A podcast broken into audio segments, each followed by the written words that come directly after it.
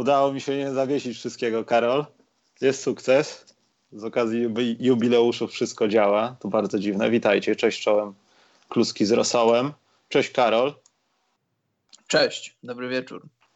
Może zamiast y, pałować się na początku natomiast 30 odcinka, bo szczerze mówiąc nie spodziewałem się, że w styczniu tego roku dojdzie do tego, że to będzie aż 30, może więcej, to no kącik jest tatuśka.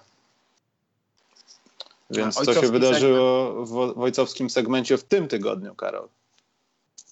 No, idziemy cały czas do przodu, przybieramy na wadze, trochę płaczemy, ale też trochę się bawimy, rozwijamy się, coraz to nowe rzeczy i no idziemy do przodu.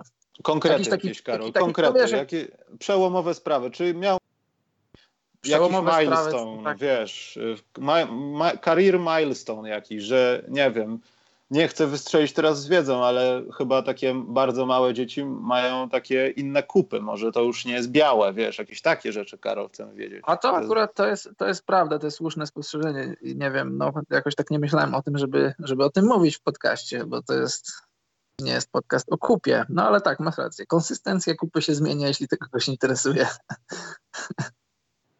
Co z, od, co z odbekiwaniem, Karol? Czy już wydarzyły się te kreskówkowe wymiociki, kiedy klapie się po plecach? Czy to już e, było? Karol, takie no, rzeczy. One, no. one się zdarzają, ale one nie są jakieś takie spektakularne, nie są też uciążliwe. To, to, to wiesz.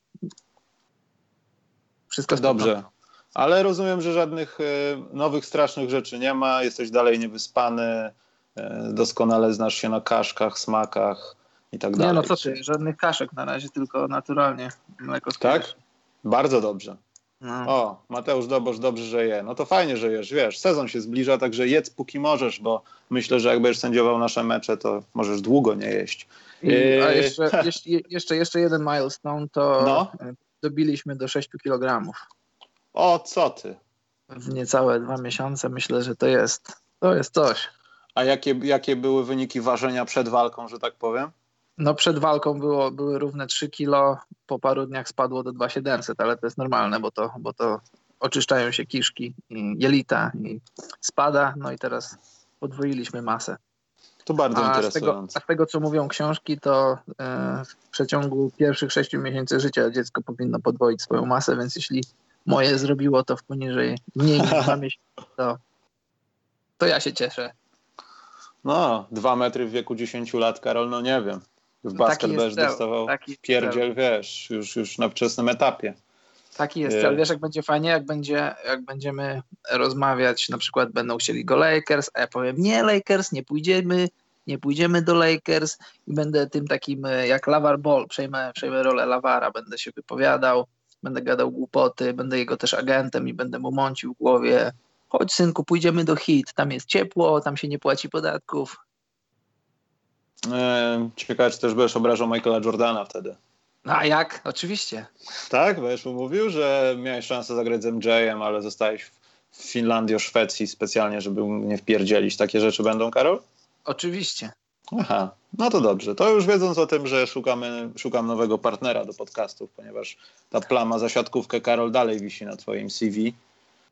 E, nie mam bladego pojęcia w ogóle dlaczego. Słuchaj, nic nie wisi. E, wisi, mecze, oczywiście, że wisi. Komisyjnie mecze, zostaje splamione. No. Słuchaj, Jak o siatkówce, mecze... Karol, o siatkówce. Piłka nożna jeszcze, Mistrzostwa Świata, to rozumiem. Posłuchaj, mecze, mecze polskiej reprezentacji oglądam bez względu na, na, na dyscyplinę. To jest, to jest patriotyzm w czasach pokoju. A, dobrze. To skoro tak, to może ci wybaczy zarząd. W jednoosobowy zarząd. Y, dobra, y, koniec pierdzielenia, przechodzimy do newsików.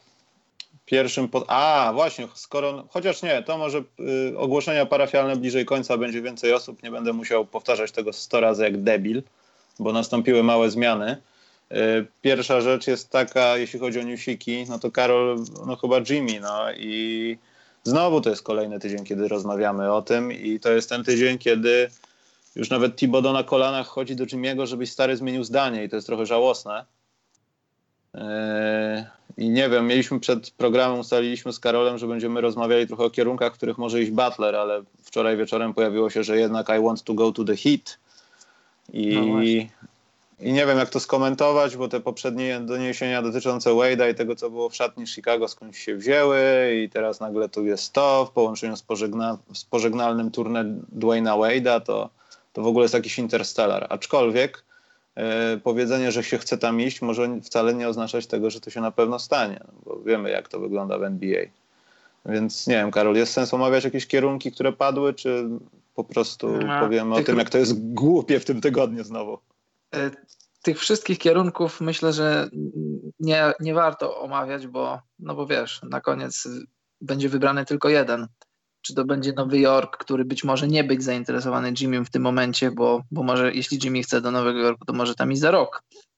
E, to samo Brooklyn, to samo różne inne kluby. Też słyszeliśmy, że, że Cavs mogą być intensywnie zainteresowani pozyskaniem Jimmy'ego.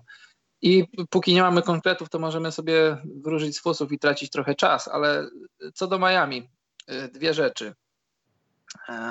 Wade odchodzi, to wiemy, to będzie jego pożegnalny sezon i jeżeli Jimmy marzy, a tak mi się wydaje, że marzy o byciu niekwestionowanym liderem jakiejś drużyny, no to, to automatycznie zwalnia się miejsce. To jest jedna sprawa. Druga sprawa jest taka, że, że nie ma podatku stanowego na Florydzie. To jest, to, to, jest ważna, to jest ważna rzecz, o której moim zdaniem za mało się mówi bo to czyni e, kontrakty e, podpisywane w Orlando czy, czy w Miami jeszcze bardziej atrakcyjnymi niż, niż w innych e, miastach, niż w innych stanach. O tym się za mało mówi.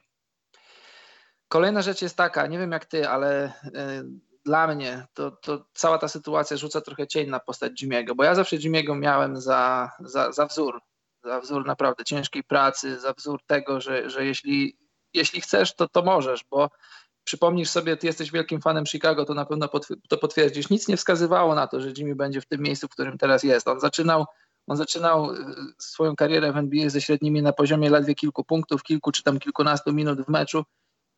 No ale I... to wynikało wiadomo z jakiego powodu, Karol. To nie dlatego, e, że on jasne, dupy, jasne. tylko Thibodeau go moczył po prostu no, i nie jasne. mu grać.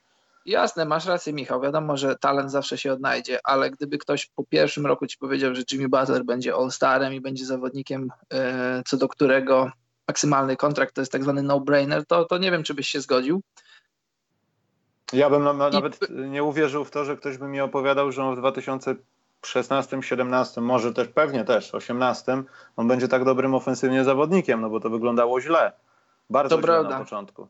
Też to bym w to nie uwierzył po, w pierwszym czy w drugim roku wydawało się, że Jimmy co najwyżej może być takim, wiesz, takim e, 3D, rzucić za, za 3 i dobrze obronić, ale że rozwinie się na poziom All-Stara, to, to nawet najwięksi fani Bulls podejrzewam, że nie myśleli o tym. I ten, ten nieskazitelny obraz Butlera, którego ja lubiłem zawsze przez lata i nadal lubię, trochę mi się burzy. Może nie, nie, nie tak strasznie mi się już zburzył, ale tak trochę mi się chwieje. Bo pamiętasz w zeszłym roku w Chicago, jak jeszcze, jeszcze grali z Wade'em, to znaczy to już były dwa sezony temu e, i tam były takie różne zgrzyty, że, że Jimmy ma trochę problem z młodymi zawodnikami Bulls, że im się nie chce trenować, jakieś tam problemy w szatni, no to, no to myślisz sobie, okej, okay, Jimmy Butler ze swoimi standardami, ze swoim etosem pracy e, strofuje młodych ludzi. Wiesz, koniec tematu, nie ma żadnego newsa, no bo raczej trzymałeś na Jimmy'ego i nie sądziłeś, że, że może być inaczej. Ale kiedy takie same problemy pojawiają się w Minnesocie i Jimmy znowu ma problem z ludźmi, że nie do końca się przykładają, nie trenują aż tak mocno, to zaczynasz się zastanawiać, masz tak zwane te drugie myśli, że czy, czy, czy faktycznie tak jest. Już mówiliśmy o tym kilka razy, że to może Jimmy jest problemem dla samego siebie, bo jak ja patrzę na Karla Antonego Townsa, to poza wielkim talentem, ogromnym talentem widzę ciężką pracę, bo, bo normalnie ludzie wzrostu Townsa nie kozłują tak jak Towns kozłuje, to widać, że włożył w to godziny, wiele godzin, setki godzin pracy. Nie rzucają tak jak Towns, nie mają takiej pracy, pracy nóg, więc widać, że Karl Anthony Towns y, ciężko pracuje, żeby być tu, gdzie jest i ciężko pracuje, żeby, żeby jego talent był jak najbardziej oszlifowany. Więc jeśli jest zgrzyt na tym polu, a do końca też nie wiemy na jakim polu ten zgrzyt jest, bo docierają do nas głosy, że, że wiesz, że, że Jimmy ma problem z tym, że ludzie może nie do końca podchodzą do, do grania w koszykówkę tak jak on podchodzi, ale to już powiedzieliśmy, że to wcale nie musi być problem tych ludzi, z którymi Jimmy ma problem, tylko to może być problem też samego Jimmy'ego. I ale wiesz, pojawia się, no i daj mi jeszcze dokończyć jedno zdanie. I teraz to, to jest sytuacja, Jimmy chciał odejść z Chicago, chciał dołączyć do klubu, z którym chciał wygrywać i, i w Minnesocie miał stworzone ku temu świetne warunki, bo miał trenera, z którym pracował wiele lat, ma, ma młody talent w osobie Kata i drugi młody talent w osobie Wigginsa, który uważam, że jeszcze nie powiedział ostatniego słowa w NBA i i, I może być naprawdę jeszcze wartościowym koszykarzem. I masz, masz dwie młode gwiazdy i Jimmy'ego, czyli jeszcze relatywnie młodego zawodnika formatu All-Star i naprawdę możesz z nimi grać i wygrywać. I nagle pojawia się ten element, ten czynnik ludzki, którego Jimmy w jakiś sposób nie jest w stanie przeskoczyć i on chce odejść po roku, którym Minnesota zainwestowała w niego, dała młode talenty, dała pik Lauriego Markanena i on zostawia zimną Minnesotę na lodzie. Trochę mi się to nie podoba, bo to wiesz, to jest takie trochę, to jest taka trochę nieprofesjonalna dziecinada, bo zastanawiam się, czy, czy, ten, czy te stosunki są aż tak bardzo natrzepnięte, że po prostu nie możesz tego swojego ego i tych wszystkich relacji schować do szatni i po prostu przychodzić do, do meczów, do drużyny, jako, jak do swojej pracy. Pamiętasz, Jordan, Pippen i Rodman, oni nie byli kumplami, oni ze sobą nie dyskutowali, oni przychodzili, robili swoją pracę i szli do domu. Dziś trochę za dużo mówi się o emocjach, o, o uczuciach, o tego typu rzeczach. No, I to jest trochę, to jest troszkę słabe. Ja chciałem tylko powiedzieć, że to wszystko, ja wiem, że to jest jakaś skala porównawcza z tym, co się działo z Chicago, czyli Chicago było w takim momencie, że już był jakiś poziom, ale walczymy o to, żeby wejść na ten poziom wyżej, żeby być bliżej, nie wiem, nawet walki z LeBronem, tak? E, natomiast tutaj to jest trochę walka o to, żeby wejść na ten poziom, gdzie Chicago było, bo tak naprawdę na ten poziom Minnesoty to chyba można też nie tłumaczyć źle zachowania Butlera, bo to też można nazwać istnym żartem, to co się tam e, dzieje, albo po prostu rozczarowaniem. No może nie żartem, bo takie sytuacje się zdarzają i to nie jest sytuacja jednostkowa w wielu ekipach. Niezależnie od managementu czy perspektywy gracza, jaką, jaką prezentuje w pierwszym roku kariery, a jaką faktycznie zrealizował e, w trzecim roku kariery. No bo też należy nadmienić, że sytuacja nie chodzi tylko i wyłącznie o kata i tak dalej, tylko Butler może po prostu patrzeć na tą grupę ludzi, do których nie pasuje i być może Butler jest gościem, który nie pasuje do ludzi, którzy jak gdyby, no nie wiem, nie wiem jak to nazwać, nie wykazują takiego charakteru i nie pokazują tego, że chcą walczyć. I myślę, że taką osobą jest trochę Antony Towns, a jakby jakbym trenował na miejscu Butlera i widział Wigginsa, gościa, który jest atletycznie boski wręcz, a wchodzi na parkiet i nie jest już tak boski. Zdarza mu się być seryjnie dobrym graczem, ale przeważnie jest minusowym graczem. I, i wtedy się pojawia problem, dlaczego stary ty w tych sezonach breakoutowych, czyli jak statystycznie ustalono z drugiego na trzeci. I przykłady były tam e, pokazywane na przykładzie, nie wiem, Walla, karier Walla, Westbrooka czy Rose'a, E, to jest czas tego breakoutu. Wigginsa tego nie, nie było. I jak gdyby, no może tam są jakieś aspekty poprawione gry, ale to nie był taki wystrzał. Kim miał być Wiggins do jasnej cholery? Miał być, miał być gościem w tej Minnesocie. Jeśli nie super gwiazdą, jeśli nie franchise playerem, to gościem, który potrafi dostarczać. A z tym jest różnie. Głównie e, No tak, ale wiesz, ja, ja nie zakładam, że to było tak, że, że Jimmy przyszedł do, do Minnesoty i i on mówi na koniec teraz, y, y, słuchaj Andrew, ja się spodziewałem, że ty się lepiej rozwiniesz, nie rozwinąłeś się do końca, więc ja stąd odchodzę. Tam coś zgrzytnęło, tam coś było nie tak na, na, linii, na linii Cat, na linii Wiggins. I, I, na jakim to polu było, to, to do końca się nie dowiemy, ale z tego co wiemy, z tego co docierają do nas wiadomości, to to właśnie to, że, że Jimmy miał problem z nimi, z Katem i, i, i z Wigginsem, czyli dwoma młodymi liderami, współliderami że oni y, nie spełniali tych standardów, y, które Jimmy sam sobie narzuca. I, jak dla mnie to, to, nie, to nie do końca musi być problem Wigginsa i Kata, bo co do Wigginsa to możemy dyskutować, bo, bo Wigginsa kariera nie rozwija się tak, jak się miała rozwijać, ale jeśli chodzi o Kata, jeśli patrzysz na niego, to ja tam widzę, ja tam widzę dużo pracy włożonej w, w, to, żeby być w tym miejscu, w którym jest. To nie jest sam talent, bo jest wielu zawodników, jest wielu zawodników w lidze, po których widać, że mają talent, ale nie chce im się pracować. Po Townsie widzę, że, że nie tylko ma talent, ale widzę też, że pracuje. Jeżeli z tym w jakiś sposób nadal Jimmy ma problem, to moim zdaniem to już nie jest problem Antonego Townsa, to jest, to jest problem Jimmy'ego, że, że te standardy są tak wywindowane, że może się okazać, że może się okazać, że on z nikim nie będzie chciał grać. Może za, na przykład przejdzie teraz do Miami, w Miami podpisze dłuższy kontrakt, przyjdzie jakaś tam gwiazda i on też z nią będzie miał problem i znowu będzie chciał odejść. Może się okazać, że to, to, to charakter Jimmy'ego jest problemem. To też prawda i przede wszystkim pytanie o jakie standardy jest cała ta rozmowa, o, cały, o jakich standardach my rozmawiamy. Właśnie. My Czy nie to wiemy, są standardy. Rajona Rondo, że wie, że to wszystko musi być e, w 110% charakteru plus kilogram kokainy, żeby jeszcze wszyscy, wiesz, latali z ekstazy, żeby walczyć i zabić przeciwnika, czy to są jakieś nie wiadomo jakie wymagania, też nie ma co go podejrzewać o jakieś złe intencje od razu. Y, Jasne, słuchaj, jedno, sorry, że przerywam. On na pewno nie ma złych intencji. On chce wygrywać i on chce być. e, On jest profesjonalistą w każdym calu. Tylko, że ja uważam, że są różne stopnie, różne stopnie bycia profesjonalnym i różne stopnie podchodzenia do, do, do swojego zawodu.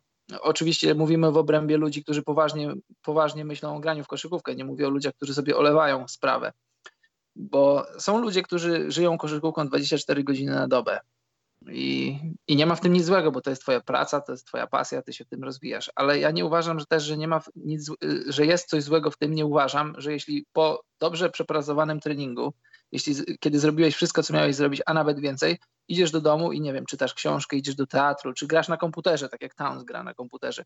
Być może Jimmy miał, miał z tym problem, że, że na przykład, że nie żyjesz 24 godziny na dobę koszykówką, że nie, nie śnisz o niej, nie, nie rozmawiasz o niej. To znaczy, może rozmawiasz, ale może nie aż tyle, ile byś mógł, ile Jimmy to robi. To jest może problem, który Jimmy ma i to jest problem, który może nie być, może nie być y, zaspokojony w dalszej, w dalszej części y, kariery Jimmy'ego, bo zobacz, pojawiają się też głosy, że być może y, Jimmy Butler i Ky- Kyrie Irving stworzą, stworzą nowy duet gdzieś tam. I jak tak patrzę na Irvinga i słuchałem dużo podcastów z jego udziałem, czytałem wiele wywiadów z jego udziałem, Kyrie jest, jest gościem, który jest naprawdę inteligentny i który naprawdę jest tak zwanym poszukującym człowiekiem. Lubi czytać różne rzeczy, lubi, e, lubi no chociażby ta teoria o płaskiej ziemi, która wiadomo e, śmiesznie brzmi, ale to jeśli wsłuchasz się w to i później wsłuchasz się w, jak, jak wyjaśniał Kyrie to, co miał na myśli, to, to, to ma sens. Kyrie lubi zadawać pytania, lubi się interesować różnymi rzeczami. Jeśli tak sparujesz Jimmy'ego i Kyriego, może się nagle okazać, że, że Jimmy też ma nie po drodze z Kyrie, bo może za dużo czyta, za dużo myśli, za dużo myśli o, o czymś innym, a nie o koszykówce.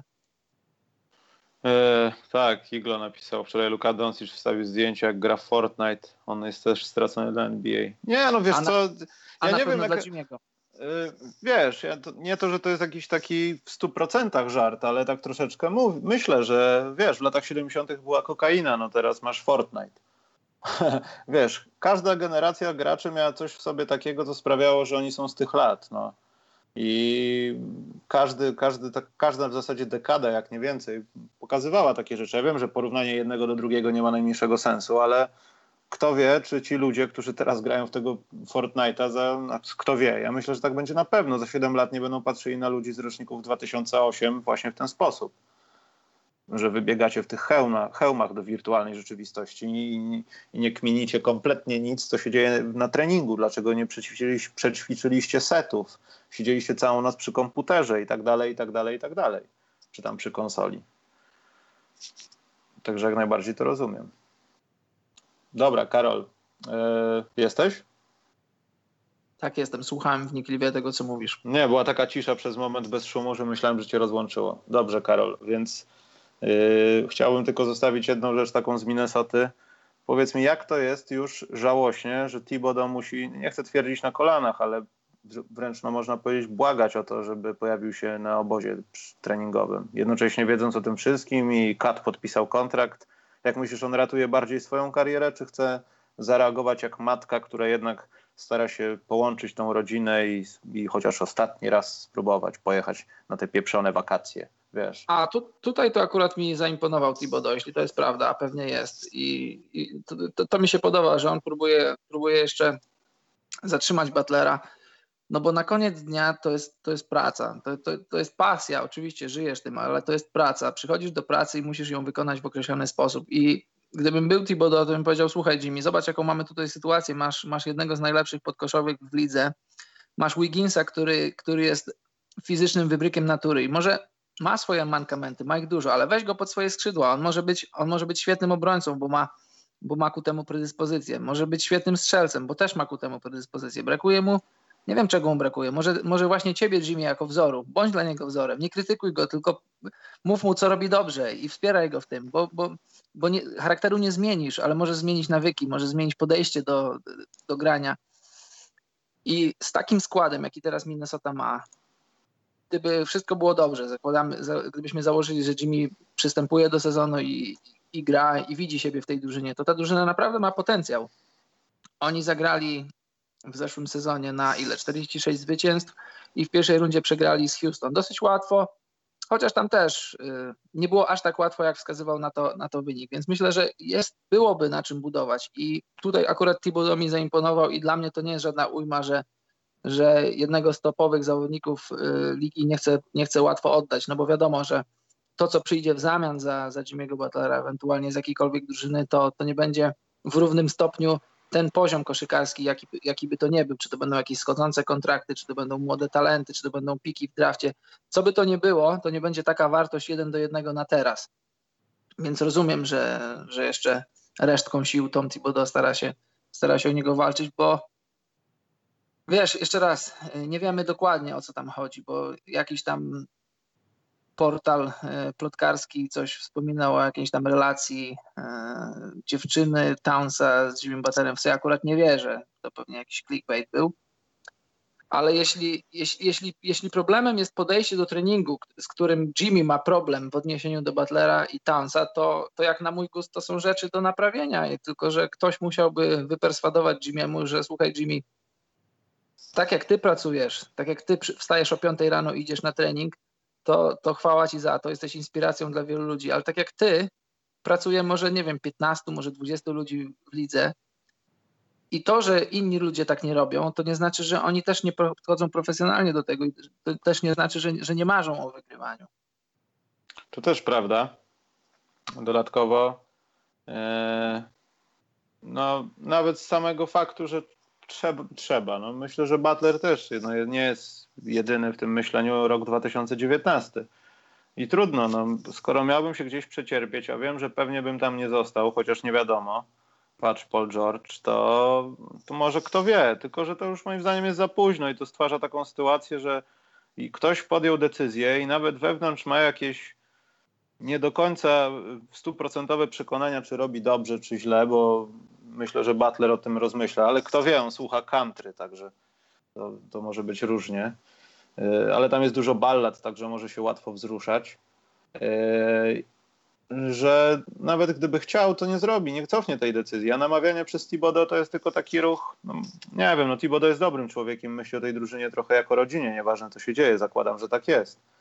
I chyba już jest za późno i powinien zastanawiać się nad tym, czy on dalej chce zostać w tej drużynie, czy też drużyna będzie dalej chciała, żeby on tam został, bo jeśli podpisał Antony Towns kontrakt, to mogą i Butler odchodzi, to zależy od kogo do tego Miami, bo teraz się głównie o tym mówi i może dzisiaj do tego dojdzie, albo jutro będziemy coś na ten temat nagrywać, bo widzę, że to już dyskusja tylko zmierza w jedną stronę, mimo wielu kierunków, jak mówiłem wcześniej że to już nie warto po prostu jest. No i może po prostu Minnesota będzie miała innego trenera, albo Thibodeau sam zrezygnuje, jeśli zobaczy, że to nie przynosi żadnego rezultatu. Bo myślę, że już nie przyniesie, to już jest za późno. Kompletnie a za może, późno. a może pójdzie to, a może to pójdzie w taką stronę, że odejście Jimmy'ego oczyści atmosferę i, i, i Wolves będą grać tak jak, tak jak się zakładało, że będą grali. Kto wie, Zależy, kto będzie w tej paczce, wiesz, bo ta paczka, jasne, jasne. tam się mówi, już teraz się napisało, że Josh Richardson na pewno nie będzie brany pod, pod uwagę podczas tej wymiany.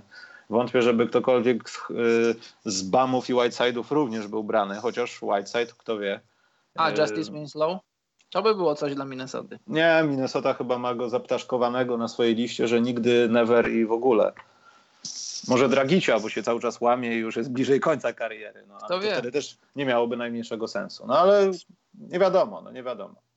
Ale Słuchaj, zamykając, no. zamy, tak mówiłem, zamykając temat Butlera, dla mnie ciekawą kwestią jest e, rok 2019 i lato. Masz wakacje 2019, Jimmy Butler jest wolnym graczem, ma 30 lat i czy, I czy faktycznie, czy faktycznie kluby będą się zabijać o to, żeby podpisać z nim pięcioletni kontrakt warty 190 milionów dolarów, to znaczy 190 w przypadku drużyny, w której się znajdzie, lub, lub czteroletni za 141 z każdej innej drużyny. I czy ty, gdybyś był GM-em e, tej drużyny, do której trafi, chciałbyś z Jimmy Butlerem podpisać taki kontrakt na 190 milionów płatne w 5 lat? Bo oznacza to, że teoretycznie zamykasz sobie, to znaczy nie, nie, nie do końca zamykasz, ale zakładasz, że pod Jimmy Butlerem w ciągu pięciu lat będziesz w stanie grać, no dać sobie szansę grania o tytuł. No i jeżeli weźmiesz pod uwagę, że Jimmy będzie miał 30 lat za rok i przy optymistycznym wariancie, ile może ci dać dobrych lat koszykówki, takiej na poziomie Jimmy'ego Butlera, bo ja myślę, że ja wiem, maksymalnie 3-4 więc zapewne ten ostatni, może nawet jeszcze przedostatni rok kontraktu, to już będą takie lata, że, że ten kontrakt może ci trochę ciążyć.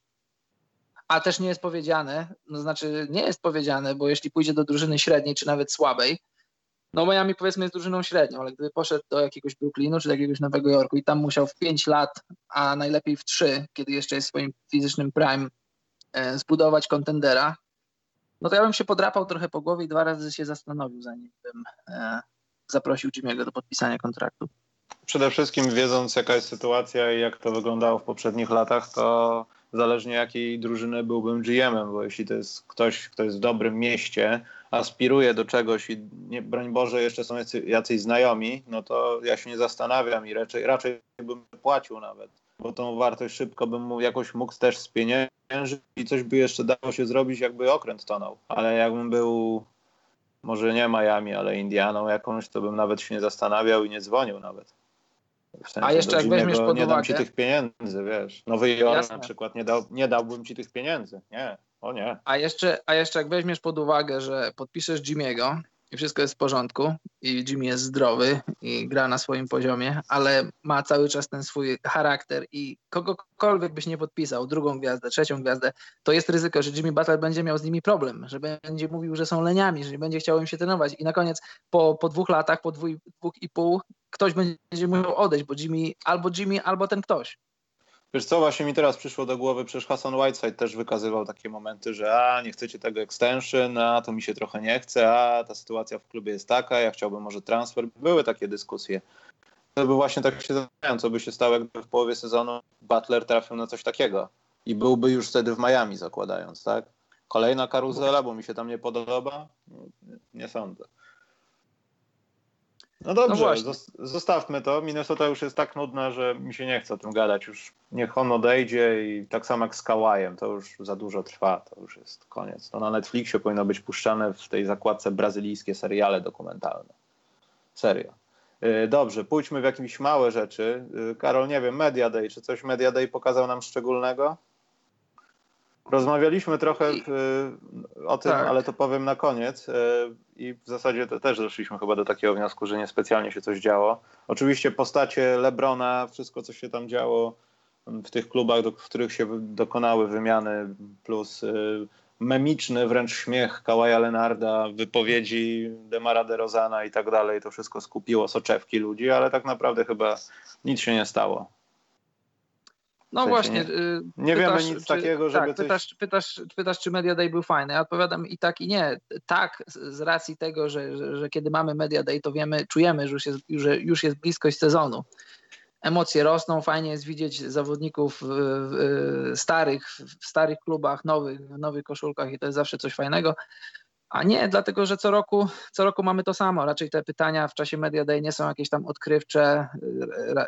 Czasem zdarzają się jakieś fajne cytaty, fajne spostrzeżenia, ale ogólnie to jest coś, co trzeba zrobić i to jest coś, co, co nie przykuwa aż tak wielkiej uwagi ani, ani dziennikarzy, ani klubów. E, te zdjęcia są zazwyczaj takie same, jest robionych po 10 tysięcy zdjęć, z których, e, których e, social media danych klubów wykorzystują po kilka i to są raczej zdjęcia, które widzimy co roku.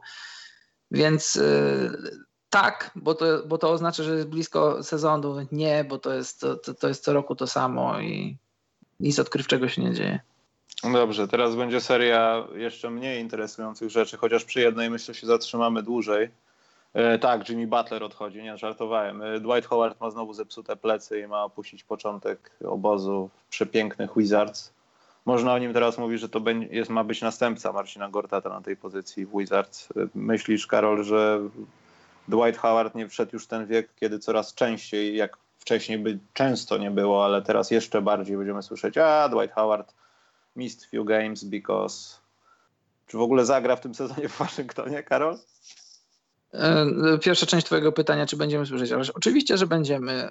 Zdrowie Dwighta Howarda sypie się od ładnych paru lat i to, to nie jest żadna nowość. Zaczęło się od pleców, później były kolana, teraz mamy znowu plecy i, i jasne, 33 e, lata w grudniu będzie, będzie miał Dwight Howard i, i co? Fizycznie już nie będzie zdrowszy, już nie będzie lepiej. Może być, może być przez jakiś czas tak samo, ale, może, ale zapewne będzie tylko gorzej. I ja zawsze mówię, od kilku sezonów mówię, że drużyny, w których jest Dwight Howard, te drużyny nie wygrywają. I tak jak rozmawialiśmy w kontekście tych linii bookmacherów, jak w zeszłym roku na, dla Charlotte Hornets linia była chyba 43 czy 44 wygrane, a Hornets wygrali tylko 35 albo 36 meczów. Tak teraz na, na Wizards dają, nie pamiętam, 44 albo 45. Dla mnie to jest stuprocentowe poniżej. Dlaczego? Dlatego, że tam Dwight Howard gra. Drużyny, w których gra Dwight Howard nie wygrywają. I to, że Howard jest kontuzjowany, oczywiście ja nikomu nie życzę źle. Ja, mimo, że nie jestem fanem Dwighta Howarda, przez lata nigdy nie byłem, to, to, no to życzę mu zdrowia. Chcę, że niech, niech, sobie gra.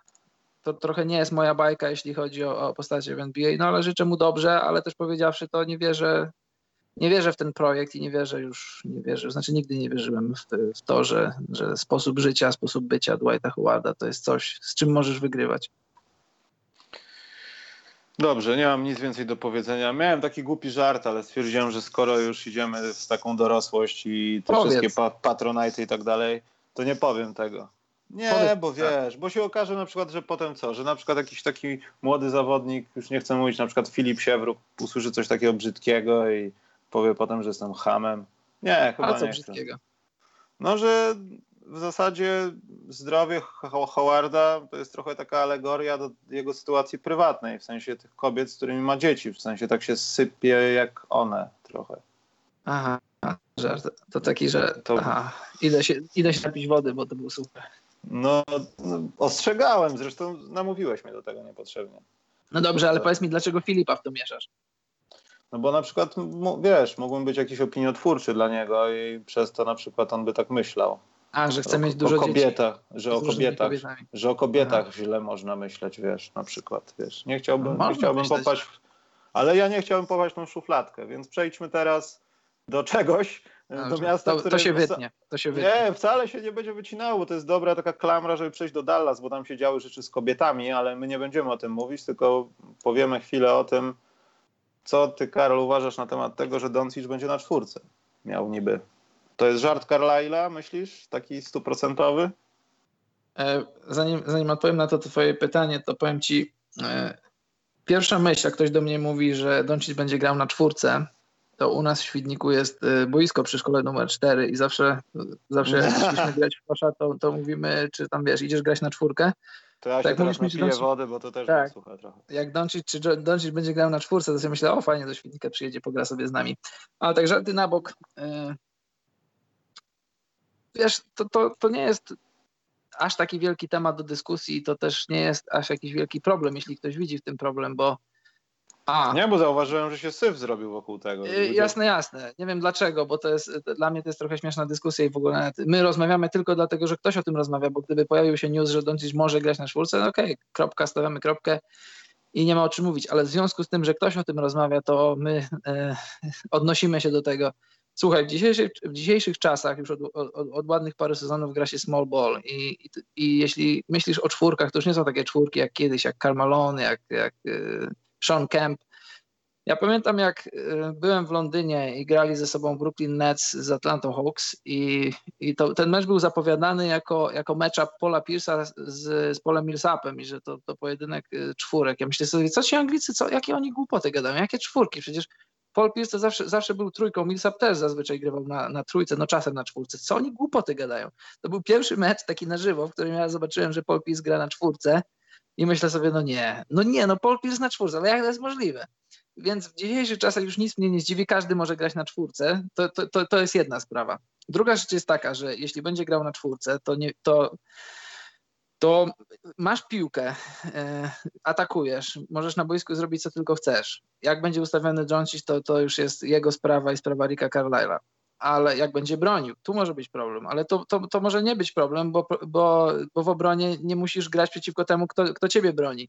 Bo na przykład Harrison Barnes może kryć tych zawodników, których nie będzie w stanie kryć Doncic, e, DeAndre Jordan będzie mógł ich przejmować, więc to nie jest problem I to nie jest aż taka dyskusja. A jeżeli Doncic ma grać na czwórce, to może być drugim Lamarem, Lamarem Odomem.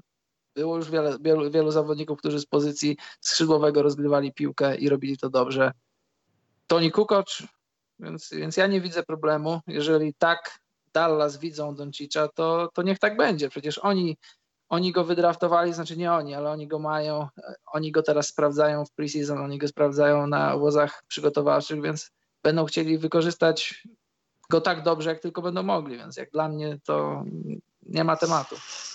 Jak dla mnie to wcale nie jest śmieszne ani głupie, bo to naprawdę może przynieść rezultat plus minus, jak tam będzie się czuł z tym wszystkim Harrison Barnes. Jasne. Bo w defensywie będą musieli się na pewno zamienić. Przy, przepraszam, przynajmniej przeważnie w większości meczapów, no bo no na pewno. Doncic wielokrotnie, to ja nie chcę porównywać, broń Boże, no ale tak też mi się trochę z Butlerem skojarzyło e, Olek Czyż, no to też czasami może być taki undersize na tych gości, którzy na ciebie wyjdą, wiesz. Ja nie chcę mówić o trafianiu na Lebrona, ale kilku takich zawodników na pewno Doncic poczuje na swoich plecach, które i tak są doświadczone zawodowstwem, także chyba sobie da radę i będziemy pieprzyli głupoty. Yy, dobra, Karol, ostatnia rzecz taka z tych newsów. Yy, co jest, Karol, twoim zdaniem mniej istotne? To, że Malik Monk został wyniesiony z treningu, czy to, że Tyron Lue twierdzi, że yy, Rodney Hood będzie drugim strzelcem Cleveland? E, co jest mniej ważne? Tak, albo co jest większym żartem na przykład. Że taki news czytasz i ha, też mi nowość. Żadna z tych opcji. Dlaczego? To znaczy obie są, e, są mniej ważne, no bo to są, to są mniej ważne rzeczy. To one nic nie wnoszą do, do naszego interesowania się koszykówką. To, co mówi Tarlon, to znaczy to może być prawda, no ale tak ogólnie co to zmienia? No załóżmy, że, że Kevin Love jest pierwszym strzelcem Cavs, i rzuca tych 20 punktów, tych powiedzmy 22, a Rodney Hood będzie drugim strzelcem będzie rzucał 17 czy 16, gdzieś tam dalej będzie Jordan Clarkson, dalej będzie później Osman czy coś takiego. No, to znaczy nie jest to dla mnie kosmosem widzieć scenariusz, w którym Rodney Hood będzie drugim strzelcem, bo, bo być może w pamięci mamy obraz tego, jak słabo grał Rodney Hood w playoffach, ale też przypomnijmy sobie, jak grał w Utah. On w Utah grał naprawdę dobrze szczególnie w tym sezonie, kiedy, kiedy to był ostatni sezon e, Gordona Haywarda i on go zastępował, to, to kiedy on go zastępował, to grał świetnie. I w tym kolejnym sezonie, czyli w ubiegłym, kiedy jeszcze nie był wytransferowany, tak trochę, tak trochę średnio wszedł w ten sezon. Nie był rewelacyjny, ale rzucał po tych kilkanaście punktów. Rodney Hood ma ciąg na koszu, potrafi zdobywać punkty, więc dla mnie nie jest, e, nie jest szaleństwem mówić, że Rodney Hood może zagrać dobry sezon, tym bardziej, że w jego interesie jest zagrać dobry sezon. Dokładnie, bo jest w moim zespole fantazy, płacę mu 18 chociażby baniek to, przez dwa lata i chciałbym w końcu deklaracji od niego, czy my tankujemy, czy będziemy teraz rzucać punkty, bo też yy, właśnie tutaj na czacie pytanie do Was, muszę zapłacić dużo pieniędzy Taurianowi Prince'owi i to jest naprawdę dużo pieniędzy, przekraczam salary cap wtedy. Muszę podjąć decyzję do 22.59 albo do następnego dnia, czy ją wyrównuję, także obawiam się, Karol, 50 milionów oferują facetowi za 3 lata. I nie wiem, no, czy... nie wiem, co ci powiedzieć. Też nie wiem, co mam zrobić w tej sytuacji, ale to się muszę zastanowić. Dobra, Karol, y, schodzimy z tematu newsów i pomyślałem, że zamiast pałować się z okazji 30 programu, to możemy porozmawiać o starcie swoich sezonów. Ty jako sędzia, a ja powiedzmy jako pseudotrener. Ty już no rozpocząłeś, tak. Karol. Aha, no nie, ja ty zaczynaj, bo tak, ty nie zacząłeś. Ja mam dopiero trening w sobotę i mogę tylko powiedzieć, to może ja zacznę, bo to jest najdelikatniej i najkrócej. Ja po prostu mam połowę nowej drużyny. Tak też się złożyło, że zawodnikiem, który no, można powiedzieć był y, franchise playerem moim przez dwa sezony, dwa, znaczy dwa sezony, dwa lata, no ale to jest w sumie sześć, może pięć sezonów, e, był Jakub Święc, który też występował z 30. I e, no teraz musiałem po prostu dobrać sobie połowę nowej drużyny i to będzie pierwszy trening w sobotę. Zobaczę, kogo wybrałem, bo widziałem ich tylko na drafcie. W zasadzie draft nie pokazuje aż tak dużo. Są jakieś gry kontrolne, ale to już się nauczyłem, że czasami potrafi być e, matematycznie na odwrót. E, osia, oś X-ów równa się z Y, wtedy zamieniają się miejscami. I parę takich draftów złych miałem, ale no patrząc na ligę, no to mamy o co walczyć, bo zostali jednak ci też, którzy coś znaczyli w poprzednich sezonach, także to jest mój start sezonu, Karol. Mhm. Fascynujące. No, bardzo. A twój? Nie, bardziej wiesz co, tak śmiechy śmiechami, ale rozmawialiśmy wcześniej o tym. pytam e, o te kolejne zmiany fibowskie, wiesz, jak to z twojego punktu widzenia prowadzenia już nie kontrolnych, ani o gówno spotkań, tylko o coś, e, wygląda to z twojej perspektywy, wiesz. Wiadomo, no, sam nie jesteś, masz jasne. kolegów w tych śmiesznych ubrankach i obcisłych spodniach. Wiem, dlaczego, Karol, jesteś sędzią teraz. E, I nas posądzają wspólne dziecko, Michał Laur i Śliwa. Już teraz takie rzeczy słyszałem nawet. E, nie, ale poważnie, jest trudniej, jakoś wiadomo, na początku musisz się bardziej nad tym skupiać, ale są rzeczy, które sprawiają ci trudności, jakieś takie rzeczy, które byś już wyrzucił po trzech spotkaniach, czyli nawet tym pierwszym. E, tak, temat jest ciekawy i złożony i może możemy, moglibyśmy cały podcast temu poświęcić. Ogólnie to nie jestem fanem tego, że w ostatnich latach FIBA co sezon wprowadza jakieś zmiany, bo wcześniej było tak, że po jakiejś wielkiej imprezie, czy po Eurobaskecie, czy po Mistrzostwach Świata, czy po Olimpiadzie, wchodziła jakaś zmiana i to była jedna zmiana, ona była wdrażana, uczyliśmy się jej i, i zmienialiśmy trochę, trochę interpretację, zmienialiśmy przepisy, zmienialiśmy nastawienie. Teraz w ostatnich sezonach jest tak, trzech, czterech jest, że coś nowego wchodzi i to jest cyklicznie coś nowego, cyklicznie coś nowego i ludzie się w tym gubią. Gubią się w tym zawodnicy, gubią się w tym trenerzy i sędziowie też się trochę w tym gubią. Może nie w rozumieniu tego, no bo to musisz znać. Żeby przystąpić do sezonu, musisz zdać egzamin, więc teoretycznie znasz te rzeczy.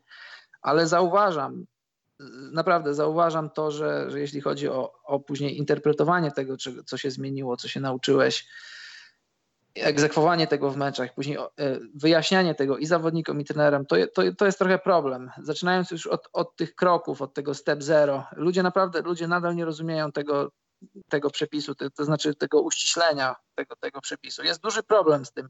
Ludzie robią normalne kroki, wielkie kroki, ewidentne kroki, a trenerzy mówią, że nowe przepisy, że step zero, że, że ten step zero tyczy się wybranej wąskiej, wąskiej, wąskiego spektrum zagrań na, na, na boisku koszykarskim i po coś to zostało u, uściślone, więc jeśli ktoś nie wie, to powiem. Zostało uściślone po to, że jeżeli dostajesz piłkę, wchodzisz na kosz, penetrujesz, to, to masz trochę bardziej liberalne podejście do tego. Ale tak ogólnie, jeżeli biegniesz z piłką, zatrzymujesz się, robisz jakieś śmieszne pivoty i zrobisz kroki, to nadal są kroki, to step zero wtedy nie obowiązuje. To jest jedna sprawa. Druga sprawa, która mi się nie podoba, to te zmiany w zegarze 24 sekundy, że wiesz, że jeśli na swoim polu obrony straciłeś piłkę, to drużyna w ataku dostaje nie 24, a 14 sekund i, i te później po timeoutie, w zasadzie po timeoutie, kiedy, kiedy pytacie, pytasz trenera, czy bierze z front courtu piłkę, czy z back courtu, to, to wiesz to, tak doszliśmy do wniosku z kilkoma sędziami, że to, ten przepis też jest częściowo martwy, bo jeżeli masz końcówkę meczu i jesteś faulowany, a powiedzmy, no, jeśli jesteś faulowany, no to, to, jest, to jest osobna sprawa, no bo masz 24, to znaczy nie jest osobna, to jest właśnie ważna rzecz. Jeżeli jesteś faulowany na, na swoim polu obrony, to masz nowe 24 sekundy. Jeśli przenosisz piłkę na polu ataku, to masz 14. Więc wiadomo, logicznym jest, że w twoim interesie jest, jest wziąć piłkę w polu obrony, bo to jest 10 sekund różnicy. Nawet jeżeli będą cię kryć ostro, no to w jaki sposób jesteś, jesteś wprowadzić piłkę do gry. Jeśli wprowadzasz piłkę w ataku, no to zawężasz sobie pole możliwości, gdzie możesz wprowadzić piłkę, a to jest jednak 10 sekund różnicy, to robi różnicę, to jest duża różnica. Więc w wielu przypadkach w ogóle nie będzie się opłacało przenosić piłkę na frontcourt, bo, bo wiesz, bo zegar nie będzie ci sprzyjał w takich sytuacjach. No i ogólnie jest trochę jest trochę kłopotu z tego, co uważam. Mam już za sobą e, zeszły weekend, sędziowałem w Szwecji pierwszą ligę mężczyzn i pierwszą ligę kobiet i to znaczy nie było aż takich wielkich problemów. Ludzie tam dopytywali, że tutaj co będzie 14 czy 24, czy po, po faulu niesportowym mieliśmy sytuację, że wznawiasz piłkę nie z pola, nie, z po, nie, nie ze środka boiska, a z frontcourtu tego typu rzeczy i, i, wiesz, my to opanujemy, to nie jest problem, tylko że natłok i nawarstwienie się tych rzeczy sprawia, że że po prostu trochę tego za dużo jest. Zanim to, zanim to zostanie tak wygładzone, zanim to zostanie zrozumiane, to wejdą nowe zmiany, które będziemy musieli sobie przyswoić. Troszkę nie do końca mi się to podoba i trochę nie do końca rozumiem, co FIBA chce w tym osiągnąć. No bo od paru lat masz ten przepis, że po zbiórce w ataku ma nie 24, a 14 sekund masz. I to, to na początku mi się to nie podobało, ale teraz to lubię, nawet NBA to polubiło i to jest fajne. Ale dalej grzebanie w tych 24 sekundach i w tych interpretacjach i w tych rozumieniach to jest naprawdę kłopot, bo wiesz, dla mnie czy dla ciebie to nie jest problem, dla mnie szczególnie, no bo jestem sędzią, muszę to wiedzieć. Ale tak ogólnie, patrz, jak masz człowieka z ulicy, którego chcesz zainteresować koszykówką i chcesz kogoś zainteresować piłką nożną, mówisz, masz, tu jest piłka, strzelasz gole, ewentualnie co do spalonego możesz dyskutować. W koszykówce jest tyle różnych zawiłości, tyle różnych rzeczy, że zanim człowiekowi to opowiesz, to on powie, to słuchaj, to ja dziękuję za taki sport, bo, bo ja chcę sobie miło oglądać sport, miło spędzać czas, a nie zastanawiać się nad tym, czy, czy to będzie 14, czy to będzie 6, co teraz zrobimy, czy przeniesiemy piłkę tu, czy tam. Trochę mi się nie podoba kierunek, w którym idą przepisy FIBA, bo, bo na przykład podoba mi się filozofia e, różnych rzeczy, którą FIBA stara się zaadaptować, ale samych zmian w przepisach, niektórych, nie wszystkich, nie jestem w stanie zrozumieć i nie do końca je akceptuję i też, też nie do końca rozumiem, nie do końca rozumiem strategię, no bo to jest jakaś strategia, w którą stronę ma iść koszykówka. Dziękuję. No, ja jestem ciekaw, jak to będzie. Natomiast takie ostatnie pytanie, Karol, yy, brzydko mówiąc, kto bardziej drze mordę, sędziowie czy zawodnicy? W sensie nierozumienia tego, wiesz, że miało być tak, a zagwizdałeś inaczej i on nie rozumie po prostu tego, dlaczego tak to było. Ale co masz na myśli? Sędziowie nie, nie, nie drą się na boisku, nie mogą. Nie, mówię, kto ma pretensje do sędziów większe, czy trenerzy bardziej, czy zawodnicy, mimo wszystko. Wiesz, słuchaj, słuchaj, to wszystko zależy od, od poziomu rozgrywek. Jeżeli sędziujesz te, te wyższe ligi, to tam jest trochę inna kultura mm, obcowania na linii trenerzy, zawodnicy, a sędziowie. W tych niższych ligach, szczególnie no nieważne, chciałem powiedzieć, że szczególnie w innych krajach, tu, tu trochę jest inna kultura, inna kultura obcowania, tak jak powiedziałem. Masz, masz te, te, niższe ligi, jakieś tam, tam młodsze rozgrywki, juniorów, różnych innych rzeczy, jest mniejsze rozumienie gry, mniejsze wyszkolenie techniczne i tam trochę też jest mniejsza kultura e, porozumiewania się. To tam mogą być dyskusje, mogą być różne rzeczy ale w tych wyższych ligach my nie dyskutujemy. Możemy raz na jakiś czas odpowiedzieć na jakieś pytania, ale my nie jesteśmy tam po to, żeby filozofować, my jesteśmy tam po to, żeby egzekwować przepisy. Jeżeli trener czy zawodnik zapyta cię, nie wiem, podczas rzutów y, wolnych, y, co tam będzie, co się stało, co, co tego, możemy odpowiedzieć, ale nie możemy co akcję dyskutować na temat, na temat sytuacji, które były. Więc y, odpowiadając na Twoje pytanie, to, to nie jest aż taki problem, bo moim problemem nie jest to, że ktoś nie zna przepisów, zmian w przepisach, nowych interpretacji. Jeżeli ktoś się gotuje z tego powodu, bo myśli, że ma rację, no to ja mam narzędzia, których mogę użyć, żeby go uspokoić. E, ja, wiesz, ja się tym nie szczycę, ja się nie chwalę, że daję ludziom techniczne, bo, bo staram się tego nie robić. A jeżeli muszę, to to robię, bo, bo, bo, nawet jeżeli możesz czasem w jakichś sytuacjach nie mieć racji i ktoś słusznie próbuje ci wrzucać, no to, no to też nie może tego robić. Bo, bo wiesz, ludzie przychodzą, kupują bilety, oglądają w telewizji mecze nie po to, żeby patrzeć, jak ludzie skaczą sobie do gardeł, tylko chcą oglądać koszykówkę. My musimy nad tym panować, nad, nad, nad dyscypliną. Amen. Amen. To nie jest mój problem, że ktoś nie zna przepisów. A czy się mogę pomylić w różnych sytuacjach? Jasne, że mogę. Nie, nawet bardziej pytałem Karola, to nie kto drze mordę i ma do ciebie pretensje prawie używając rękoczynów, tylko wiesz, kto częściej mówił, ale panie sędzio, przecież tam był step zero. Trener czy zawodnik? O to nawet mi chodziło.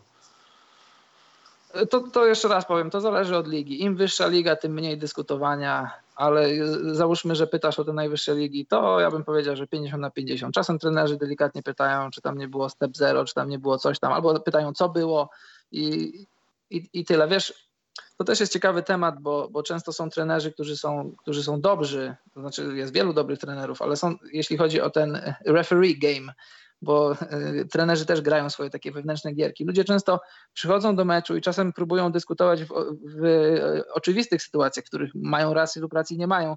Starają się sprawdzić, jak daleko mogą się posunąć e, tego wieczoru z tymi sędziami, których mają, wiesz.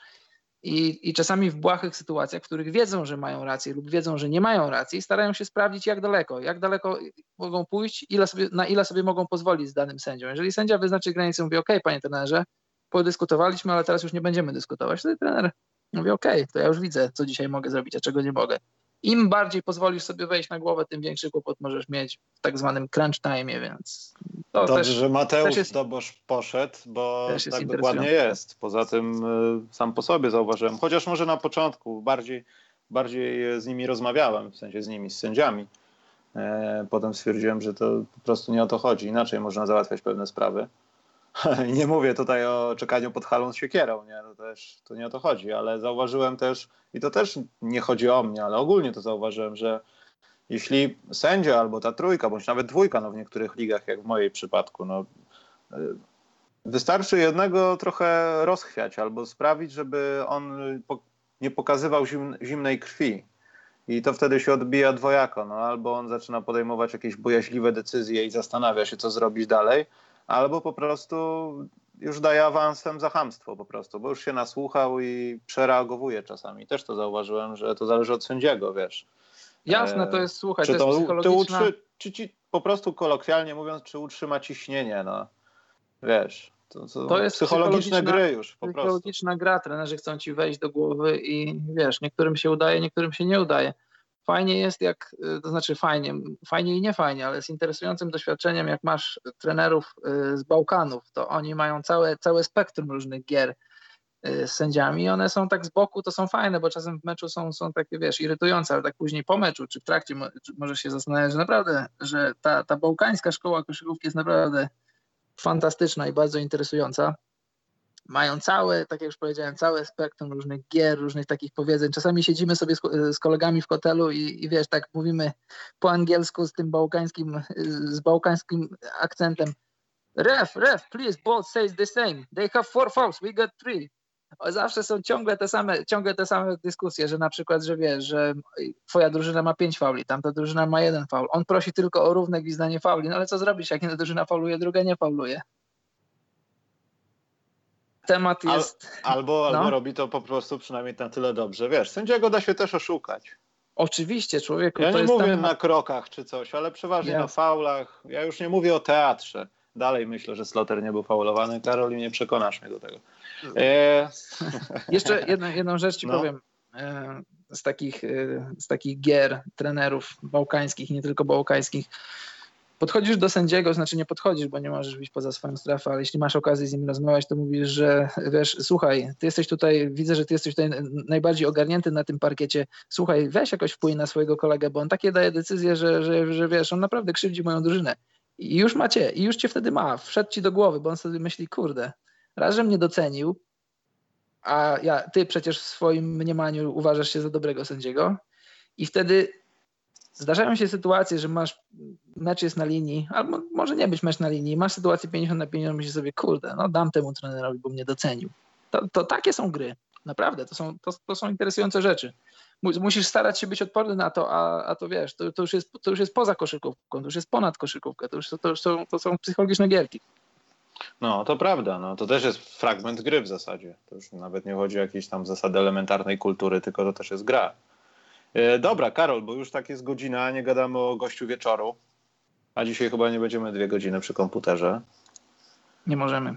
Nie możemy. To znaczy mogli, to znaczy nie, musimy być. utrzymywać standardy, Karol, jeśli mamy być tak. poważni i tak jak w Top Gearze factual, to musimy utrzymywać pewne standardy. Dlatego no dobrze się zeszło, bo schodzimy do tematu, który jest bezpośrednio powiązany trochę z boiskowym hamstwem, ale to tak żartem bardziej mówię. Z 30 grał Rashid Wallace. To widzieliście yy, ten tapetkę na początku, to mogliście się domyśleć, że będziemy o nim gadać. Też nie będziemy jakoś specjalnie go analizować, bo tutaj no, sytuacja jest na tyle świeża, że każdy powinien zdawać sobie sprawę, kim jest Rashid Wallace. Poza tym tak naprawdę patrząc, y, no to 36 powinno być jego, no ale mieliśmy 30, ostatnio nie było żadnego człowieka, odcinka, także stwierdziliśmy trudno, Rashid Wallace. Y, Karol, jak to jest z poziomu sędziego? Y, zdarzyło ci się mieć takiego Rashida Wallace'a na boisku? E, takiego e, pyskacza, tak, zdarzyło się parę razy. Jak Kropka. to jest? To wiesz, to Dachy, zależy... podwyższone ciśnienie, cholesterol ci skacze do Słuchaj, granic możliwości, czy co jest? Ja się, ja nie stresuję się, jak, jak sędziuję mecze. Nie wiem dlaczego, nie wiem, czy to jest dobrze, czy to jest źle. Ja, wiesz, ja mam radość sędziowania i wiadomo, są emocje, jest podwyższone skupienie, kiedy sędziujesz jakiś, jakiś ważny mecz, ale nie jest to dla mnie stres i powiem Ci, że bardziej lubię mecze, w których coś się dzieje, w których trzeba podejmować trudne decyzje, w których trzeba stanąć na wysokości zadania, niż mecze, w których patrzysz na zegar i, i tylko biegasz od jednego, bois, od jednego końca boiska do drugiego i czekasz, aż mecz się skończy. Lubię mecze, w których coś się dzieje, bo wtedy bo wtedy możesz się nie, no, nie tyle wykazać, no bo ja tam nie jestem po to, żeby, żeby błyszczeć, tylko żeby, no, żeby żeby być w tej grze, żeby mieć kontrolę nad tym. I, i, i dla mnie tacy ludzie to nie jest problem, bo y, pozwalam ludziom mieć, upuszczać swoje emocje w kulturalny sposób, w sposób taki, jaki, jaki pozwala na, na to okoliczności danego meczu. No bo jeszcze raz, ludzie przychodzą, żeby oglądać koszykówkę, ale też przychodzą, żeby oglądać emocje. Jeżeli te emocje są uwalniane w kulturalny sposób, w taki sposób, o jakim myślisz, jeśli masz na myśli koszykówkę, no to okej, okay, nie ma problemu. A jeżeli ktoś chce szerzyć hamstwo, jakieś herezje, jakieś dziadostwo, no to ja jestem tam po to, żeby zapobiec temu dziadostwu. Jak, jak, ja, jestem takim, jestem takim filtrem, jak, jak, jak leci błoto, to ja muszę to błoto zatrzymać. I jeżeli mam takich do czynienia z takimi ludźmi, no to no to wyznaczam granice. Raz może się komuś zdarzyć, że wie, że jakoś tam się nieładnie zachował, gdzieś odrzucił piłkę, coś, coś powiedział, a wtedy mówimy, słuchaj, nie gramy w takie gry. Nie wiem, może ty w swoim życiu tak grasz, może ty w sezonie tak grasz, ale akurat y, kiedy ja jestem na dzisiaj na boisku, to ty tak grać nie będziesz i jeżeli ze mną współpracujesz, to fajnie, a jak nie, no to no to możesz resztę meczu spędzić w szatni albo, albo inaczej jakoś to może być rozegrane. No po prostu no nie, nie, nie lubię tego typu rzeczy. Doceniam emocje, doceniam ludzi walczących, ale doceniam emocje i, i ludzi walczących w ramach przepisów gry w koszykówkę w ramach okoliczności, jakie czynią tę grę interesującą. A jeśli chodzi o Rashida Wallace'a, jeśli ktoś nie pamięta, jak on wygląda albo nie wie, kim jest, to właśnie w tym momencie na czat wrzucam swoje zdjęcie z Rashidem Wallace'em, które oczywiście ma. Kar, no nie spodziewałem się inaczej, ale dobra, to był tylko taki wstęp, żeby sprawdzić, czy jeszcze istnieją tacy ludzie. E, Rashid Wallace, moim zdaniem, to już nie chodzi o to, jak się postrzegało go, no bo wiadomo, w jego kariery, w karierze było bardziej więcej tych negatywnych emocji, które no i tak znajdowały jakieś tam odzwierciedlenie na boisku koszykarskim, bo no zaczynając od tego, jak był w e, północnej Karolinie, w e, koledżu, to wtedy może tak to się tego nie odbierało, ale teraz czytając i patrząc na niektóre rzeczy, e, to, to, nie pasowało do niego. W sensie to było takie, dobrze nie trafił do Duke, bo w ogóle by skończył w seminarium duchownym. Oni tak chyba na siłę chcieli go trochę ugrzecznić. Nie pamiętam, czy miał jakieś takie kłopoty wychowawcze, że tak powiem, w koledżu. Bardzo możliwe, że miał, ale mimo wszystko był no, bardzo wszechstronnym sportowcem. E, hmm. On biegał w ogóle, no lekkoatletyka, w ogóle skoki w dal chyba bodajże, czy coś takiego, czy wzwyż nawet, już nie powiem, z głowy mówię. E, wszechstronny w ogóle na boisku do kosza, robił wszystko. I w tej North Carolinie też w zasadzie, no nie wiem, no można powiedzieć, że błyszczał, Final Four i tak dalej. Był wysoko wybrany w drafcie, tylko w momencie, kiedy pojawiło się zawodowstwo, on zaczął, nie wiem, przelewać jakieś swoje frustracje. Pomijam to, że po tym debiutanckim sezonie ktoś go wytradował do Portland i w Portland się zaczęła cała chyba, nie wiem, ta martyrologia e, Rashida Wallace'a, Jail Blazers, kłócenie się z sędziami, 100 dachów na sezon, wiesz. Tak, ale wiesz Jestem co, ciekaw, co się z nim stało, bo chyba nie był takim, wiadomo, gość z Filadelfii, no tam mógł być cwaniaczkiem, nazwijmy to ulicznym, ale z drugiej strony, wiesz, no bardzo dziwna taka przemiana, bo to pamiętam, że można było obserwować. Ten, w Waszyngtonie nie było widać po nim, że on przecież będzie chodził w garniturze i tak dalej, ale to, co się działo w Portland i potem to, co się działo, no to już była jazda po prostu, jazda. No ale wiesz co, bo ty powiedziałeś, że, że tak pa pamiętamy go jako, jako problem, ale wiesz co, ja, ja jakoś tak nie patrzę na, ten, na to w ten sposób, bo jasne, to był człowiekiem, który był problematyczny i miał Znaczy problem historię. taki, przepraszam, problem taki trochę, wiesz, teraz byśmy porównali, nie wiem, DeMarcus Cousins, masz trzy kwarty świetnej gry, w czwartej coś się dzieje, goście cię faulują, jesteś sfrustrowany, 4-5 posiada, nie macie na boisku, bo zadarłeś z sędziami i zacząłeś palcami machać środkowymi, cię wyrzucili, wiesz. Jasne, ale wiesz, ja, ja na przykład, ja zapamiętałem Rashida Wallace'a jako bardzo inteligentnego zawodnika na, na boisku, y, świetnego koszykarsko, tak jak powiedziałeś, przede wszystkim fizycznie był uzdolniony, ale dwa, był świetny technicznie, był bardzo inteligentny na boisku i na, na obu końcach. Był świetnym obrońcą, bardzo dobrze bronił, bardzo dobrze rzucał, miał bardzo dobry przegląd boiska i ja przede wszystkim zapamiętam go jako świetnego koszykarza. To jest jedna rzecz, a druga, no dostawał te techniczne, ale też, też trzeba pamiętać, że że on, on, on, nie był takim boiskowym hamem, takim, takim klasycznym hamem. On często wdawał się w takie psychologiczne gierki z sędziami, czasem sobie za często żartował, no to słynne bold on lie. Tak, to tak. Przecież jest, to przecież jest Rashida patent. Wiesz, mi jakoś, nie wiem dlaczego, może słusznie, może niesłusznie, ale jakoś na, co do jego kariery, to aż tak bardzo mi to nie przeszkadzało, raczej to było trochę wpisane w ten jego charakter. Ale tak jak mówię, zapamiętam go jako świetnego koszykarza, bo, bo jak pamiętasz, on, on za całą karierę ma średnią tam poniżej 15 punktów. E, w zasadzie 20 punktów nie zdobywał nigdy, nie licząc tego jednego meczu w Atlancie.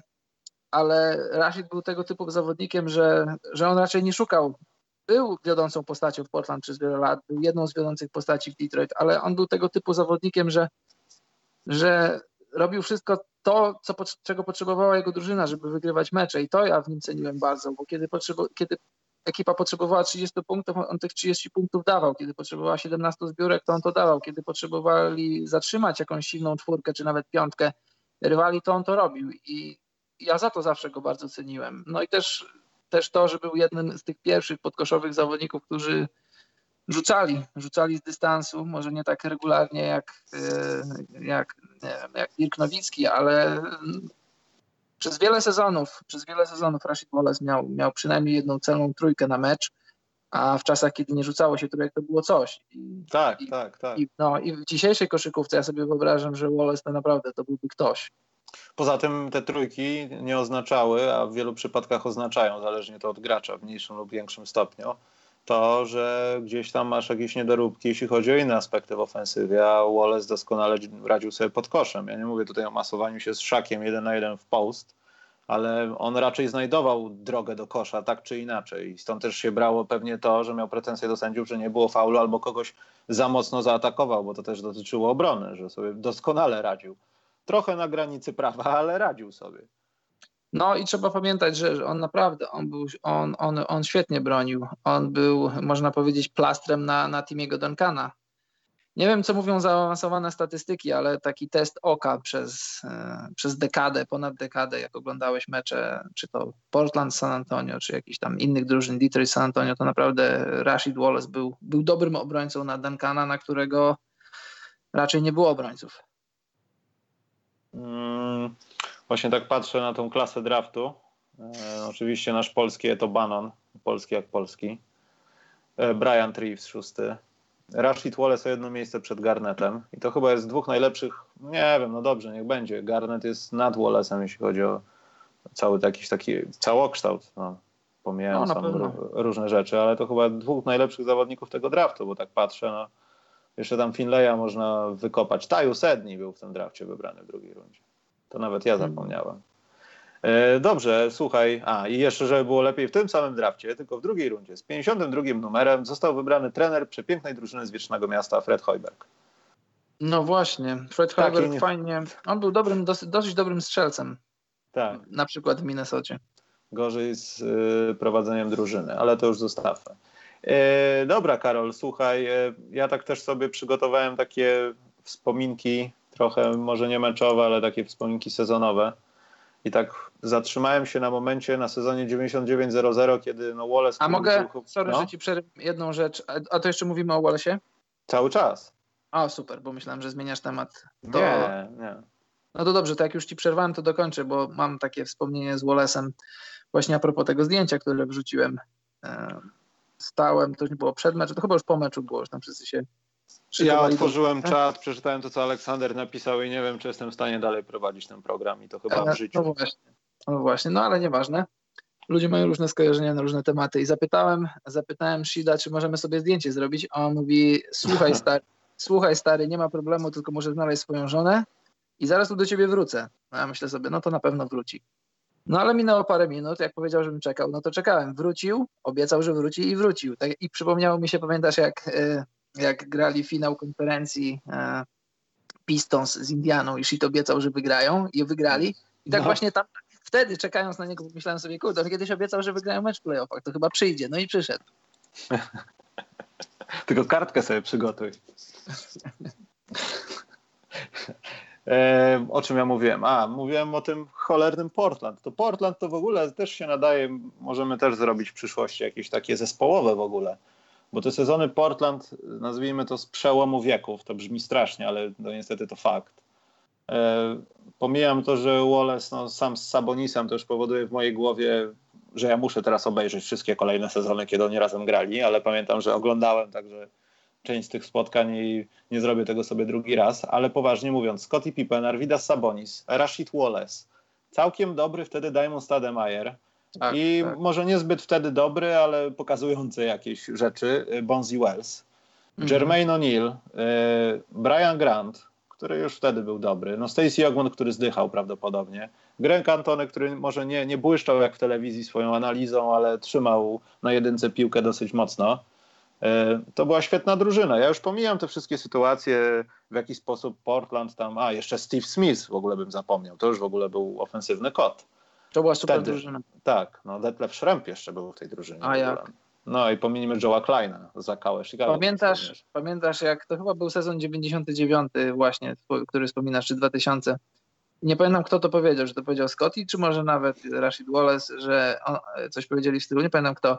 My jesteśmy jak Arka Noego, my mamy wszystkiego parami. I faktycznie oni mieli na każdej pozycji zawodnika i równie tak. wartościowego zmiennika.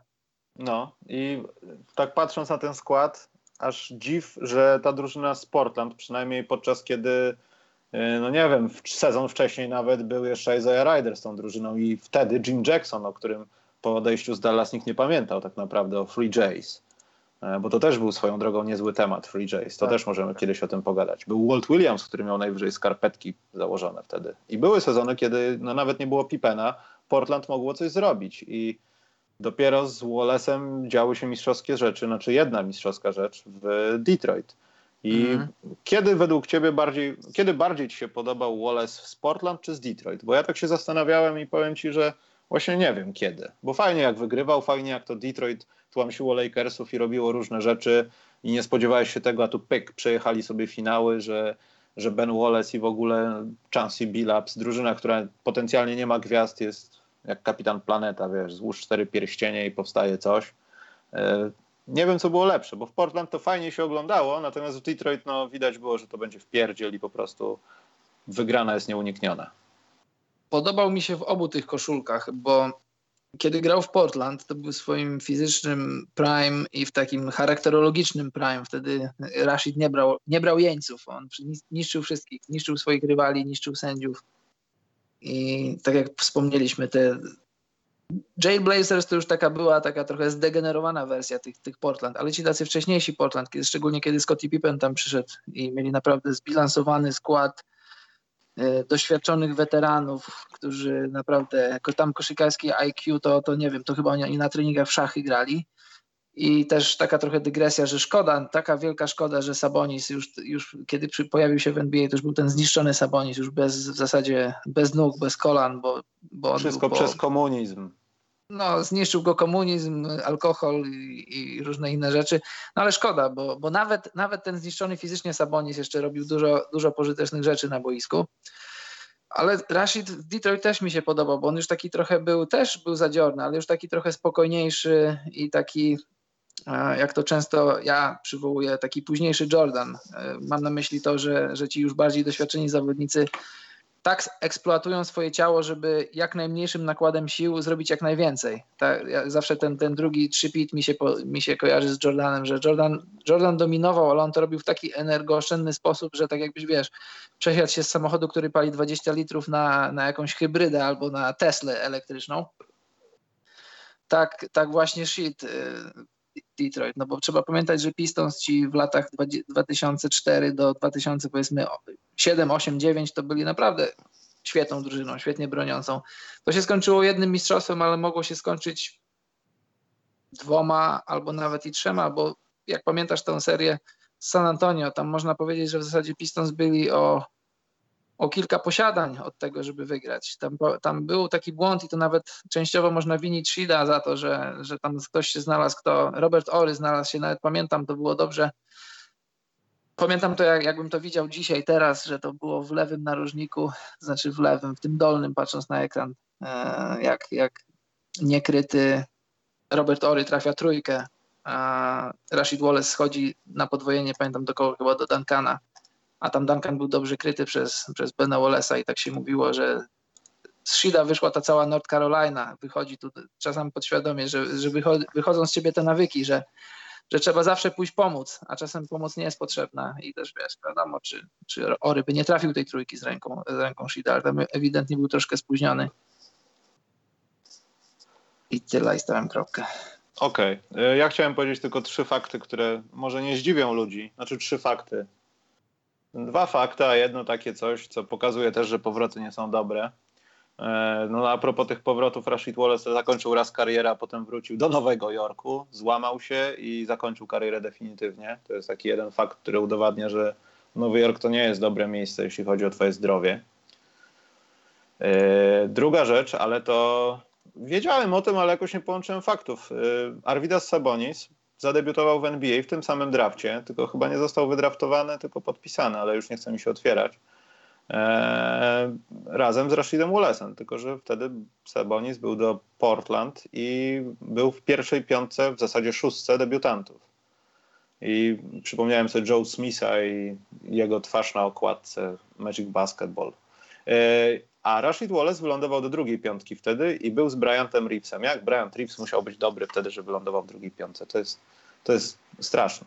Straszne to jest. Chyba musimy zrobić odcinek o Bryancie Reevesie, Karol, bo musimy udowodnić, że to jest pomyłka w łańcuchu, nie wiem, genetycznym jakimś. Bryant Big Country Reeves. Boże, Vancouver dlatego stracił NBA, no jeśli się podejmuje takie decyzje. Ale nie, on chyba coś tam grał, nie wiem, tam w pierwszym sezonie chyba faktycznie. No, Pamiętasz? Dużo zbierał, pamiętasz? to jest pewne, to był silny chłop, no, traktor by podniósł. Pamiętasz, nie wiem kto to powiedział, ale no, miał przez całą swoją karierę problem z nadwagą i był taki sezon. No on miał problem stary z fryzjerem i z goleniem się, co to był tak, za wąs? Ja ale... Jakaś na sterydach, która poszła do Marines, taką miał fryzurę i tak wyglądał.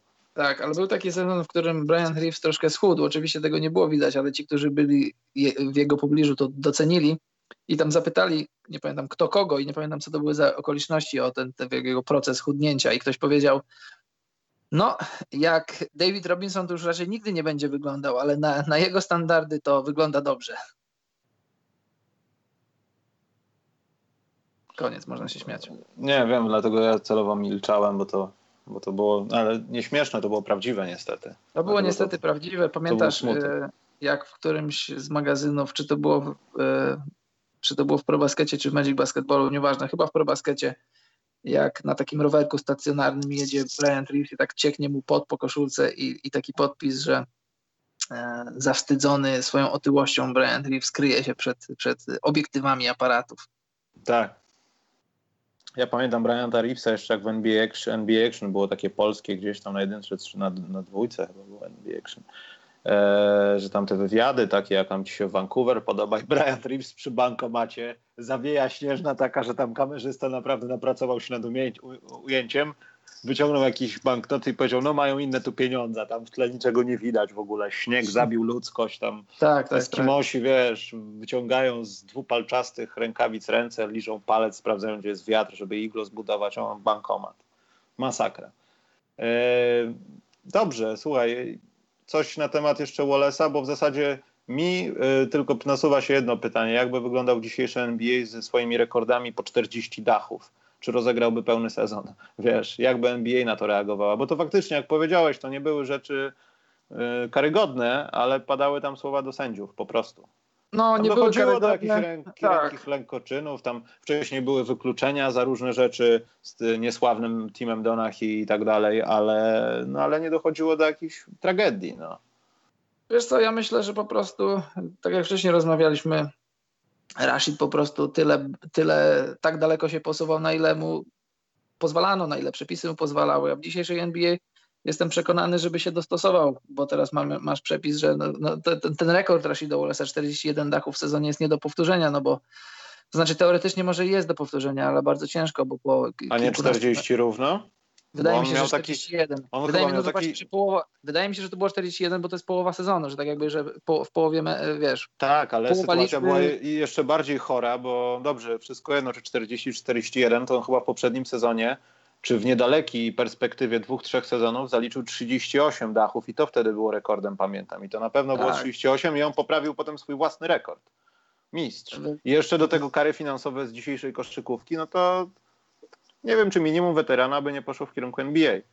No właśnie, więc jakbyś, jakbyś teraz włożył go w realia dzisiejszych przepisów odnośnie dyscypliny, że po iluś tam meczach jesteś zawieszony, do tego płacisz pieniądze, to jestem przekonany, że Rashid Wallace e, szkoda byłoby mu pieniędzy i by się dostosował po prostu. Tak, tak najzwyczajniej w świecie, po prostu szkoda byłoby mu pieniędzy i, i dostosowałby się do realiów obecnej koszykówki, bo był człowiekiem inteligentnym, jak, jak mi się wydaje. No właśnie i kończąc już temat Rashida Wallace'a, to chciałbym powiedzieć, że też tam sezon 13-14 miał swój jakiś tam, nazwijmy to, incydent ze światem trenerskim i nie wiem, może za jakiś czas zobaczymy go gdzieś na jakiejś ławce, bo jeśli chodzi o to rozpatrywanie koszykarskiego pocięcia na kawałki koszykówki, no to Wallace by się nadawał, tylko nie wiem jak tą kwestią uczuć, że tak powiem, w kierunku różnych rzeczy, które dzieją się na boisku. No to mogłoby być naprawdę straszne. Dobra, słuchajcie, przesuwam zasłonkę milczenia. Mamy pytanka od Was i ogłoszenia parafialne. Zaczniemy od, ogłos od ogłoszeń, żebyście mieli pytania. Ja pamiętam, że Maciek miał jedno pytanie i Patryk ma, ma że co coś pyta, także biorę to pod uwagę. Jeśli chodzi o ogłoszenia parafialne, słuchajcie, wczoraj stała się historyczna chwila, ponieważ wcisnąłem w Patronajcie, kurczę, y, daj do rozpatrzenia, także piszą tam, że dwa dni robocze, więc może w tym tygodniu powiedzą, czy, czy jednak chcemy ich okraść, czy jednak nie. Więc to jest jedna rzecz. Druga rzecz, y, zaraz się na ekranie pojawi mój adres mailowy, czy mój jak mój, ale ten, który odbieram powiedzmy publicznie i kwestia dotyczy koszulek. Wszyscy, którzy są i są zainteresowani. Potem będzie post na Facebooku, ale załatwię to najszybciej tutaj. Eee, niech piszą jaki chcą rozmiar, będą tylko ciemne kolory, jak na razie czarne, będą z takim dużym logotypem, może potem jakieś zdjęcia będą, ale myślę, że widzieliście mniej więcej jak to wygląda i jeśli zbierzemy na tyle dużo zamówień, będą zrobione sitodrukiem. Jeśli zbierzemy mniej zamówień, no to będziemy robili tą samą techniką. Będzie różnic... bieda drukiem. Znaczy nie, to nie jest bieda druk, bo nie, to, żartuję, to, się, żartuję, to się nazywa flex, to jest strasznie wytrzymałe. Powiem wam, że jak mi zrobili chłopaki z firmy prototyp, to ja naprawdę zeszmaciłem tą koszulkę do granic możliwości, żeby sprawdzić jak, jak to jest. Pranie w nieprzepisowej temperaturze, e, gdzieś tam pociągnięcie, żeby sprawdzić, że jest nadruk i jak na razie się nic nie dzieje. A jeśli chodzi o tą ilość zamówień, to dlatego muszę to badać, ponieważ sitodruk jest może taki trochę cieńszy i bardziej tak, z logotypem paciorro, tak. Eee, z takim kółkiem, jak macie znak wodny albo logo podcastu. Eee, że sytuacja wygląda tak, że sitodruk jest trochę cieńszy, w sensie jest jak gdyby zintegrowany z materiałem, bo to jest taki, kurde, no nie wiem, rodzaj farby, a nie naklejki gumowej pod wpływem prasowania i wysokiej temperatury, tylko po prostu drożej to kosztuje. Więc y, jeśli byśmy zebrali na tyle dużo rzeczy, na dużo zamówień, to ten sitodruk by wtedy nie wyszedł za drogo, cena nie byłaby oporowa, poczta by nie zarobiła na, za dużo na nas i każdy byłby zadowolony. Dobra, Pacioro zmusił mnie do tego, że jednak jakiegoś posta zrobię. Napiszę wam, jaki to jest rodzaj koszulki. Dobre pytanie, tak, ale najwyższy mo możliwy model Karol ma, więc może się wypowiedzieć. E, wypowiadam się. Materiał jest, jest najwyższej klasy. Gildan, Gildian, nie wiem, sprawdźcie sobie. Tak, tak, bo ja też, ja też produkowałem koszulki swojego, z logo swojego własnego bloga i wiadomo, zależało mi na, na tym, żeby to było dobre jakościowo, więc prosiłem o jak najlepszy, jak najlepszą bawełnę, jak najlepszą tkaninę, jak najlepszy nadruk. I i te, które Michał produkuje, są takie same, więc, więc nie ma obaw. Materiał jest pierwsza klasa i nadruk. Z nadrukiem, tak jak Michał powiedział, ale trochę żartuję, że jest sitodruk i bieda druk, ale jest dużo różnych technik, które są dobre, no ale sitodruk jest najlepszy z różnych względów, no bo ci, którzy się tym interesują, to wiedzą, że jak zrobisz sitodrukiem, to to jest w zasadzie to w zasadzie tak wygląda, jakby to, to była koszulka, no to, to chyba jest jedna z takich technik, że po prostu na, nakładasz rodzaj, rodzaj pigmentu, farby na, na, na tkaninę, a te inne techniki są, że nakładasz jakąś tam gumę, czy jakiś tam, tam, element na, na materiał i wiadomo, że to trochę inne jest odczucie i też, też Poza inna tym, ważne, żywotność. Tak, ja się dowiedziałem też od profesjonalistów, no, producentów, co ważne, kolor nie do końca w tej w technologii Flex jest odzwierciedlony w 100% taki, jak byśmy chcieli. One są mimo wszystko trochę ciemniejsze, nie ma tam różnicy jakiejś, że nie wiem, Buzer teraz poszedł sobie na Hennę i Mike Dunleavy go osprejował. Ciekawostka, Mike Dunleavy ma licencję y, gościa, który może was opalać natryskiem, y, jeśli chodzi o solaryzację. To jest news sprzed 10 lat. E, Łukasz Gero, tak odpowiemy za to zaraz, na to zaraz. E, o czym ja mówiłem, że ta folia po prostu ma kilka odcieni jakiejś tam skali, nie mają pełnego RGB i trzeba dobierać, a nie wszystkie są dostępne, bo ludzie no nie wykorzystują tego w tym celu, albo robią sitodruk, albo inną technologią. E, dlatego to jest ważne, żebym, e, żebym wiedział, ile po prostu zamówić i tak dalej. Poza tym też się zastanawiam, czy tego jakoś nie zautomatyzować, no ale nie przez Allegro, ale to tak jak mówię, no może post na Facebooku będzie, jak coś to piszcie, jaki chcecie rozmiar, jaki, jaki chcecie rozmiar.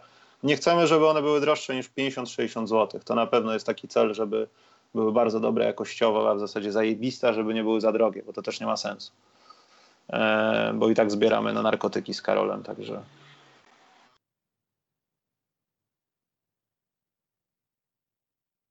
To prawda. To prawda? A na jakie? Nie będziemy mówić o nich. E, dobra, żarty żartami. Druga rzecz, chyba od października zrobimy tak, że jest przysiadka z podcast Garden na Clouda. Chyba pojedziemy jakąś wersją Pro czy Premium, e, żeby tam były. Bo nas stać. Bo nie tyle, bo nas stać, tylko ja chciałbym, żeby to wyglądało tak jak wszędzie indziej. Już nie mówię o ESPN-ach, a podcast Garden nie do końca daje takie możliwości, ale się nie dziwię, jest kompletnie darmowy i tak bardzo dużo dawał jak na, na to, co można znaleźć w sieci. Także tam niektóre rzeczy będą zostawały, ale już docelowo chcę, żeby iTunes był tam podpięty, także od początku października to nastąpi na, na pewno. Co jeszcze, Karol, się porobiło? A, zrobiliśmy grę o klon. Mhm. Będzie jutro, mimo że miała być dzisiaj, ale nie chcemy tam się też powielać, bo też jest z Wojtkiem Michałowiczem podcast specjalny. Zapraszam. Yy, nie wiem, Karol, coś mieliśmy jeszcze powiedzieć? Nie pamiętam już teraz. Chyba nie. Chyba, chyba, na ten moment wyczerpaliśmy wszystko. A, bardzo ważna rzecz jest, Karol, y, bo może w takim układzie, skoro już jedziemy z merchandisem, to zróbmy może sobie też, y, że ten Blockboys będziemy sprzedawać, czy nie sprzedajemy tego, Karol?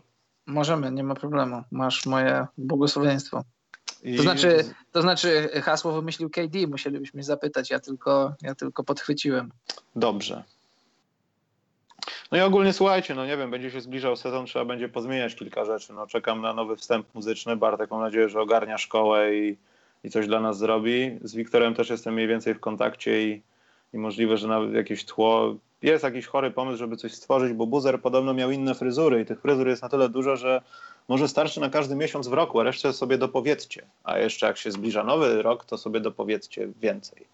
E, dobra, Stawiam, y, że chodzi o adwentowe cukierki takie, że Dokładnie, otwierasz. dokładnie. Albo ilość tacy, jaką będziesz musiał dać, jak przyjdziemy do was po kolędzie, bo w Patronajcie będziemy mieli wasze dane wszystkie osobowe. Dobra, Karol, odpowiadamy na pytania, bo jest godzina 22 i mieliśmy nie pieprzyć. Yy, może zacznijmy od tego, co Maciek mówił. O emocjach. Znaczy nie to, że A, no właśnie, homo. No to ty, ty podejmij temat. Tylko poprawcie mnie na czacie, bo ja też do końca mogłem czegoś nie doczytać, bo przeczytałem to tylko w jednym miejscu że nasz League Pass na PLK, nazwijmy to, czyli mogę przeczytać, TV. mogę przeczytać pytanie w całości. Proszę bardzo, to bardzo nawet lepiej nawet. Maciej Szetela, którego pozdrawiamy, który jest naszym stałym słuchaczem i promuje nasz podcast. Dziękujemy mu za to. Zadał pytanie następujące. Eee, już czytam. Co sądzimy o, o nowym pakiecie Emocji TV? Eee, jest ostatnio tak zwana gównoburza w internecie polskim na ten temat. Co sądzimy o tej promocji basketu w Polsce? No, no zacznij Michał, bo ja z dystansu patrzę na, na basket w Polsce, a szczególnie na polską ligę. Chciałbym ją oglądać, gdyby to było łatwe, proste i przyjemne, a jeśli, jeśli muszę jakiś nakład siły, pracy włożyć w to, a szczególnie pieniędzy, żeby oglądać polską ligę, no to, no to nie dziękuję. Jak będę parę razy w Lublinie, to sobie pójdę na start. E, no dobrze, no ale od razu zacznę, Karol. To oznacza, że co, że chcesz powiedzieć przez to, że za naszą ligę nie powinno się płacić żadnych pieniędzy za oglądanie?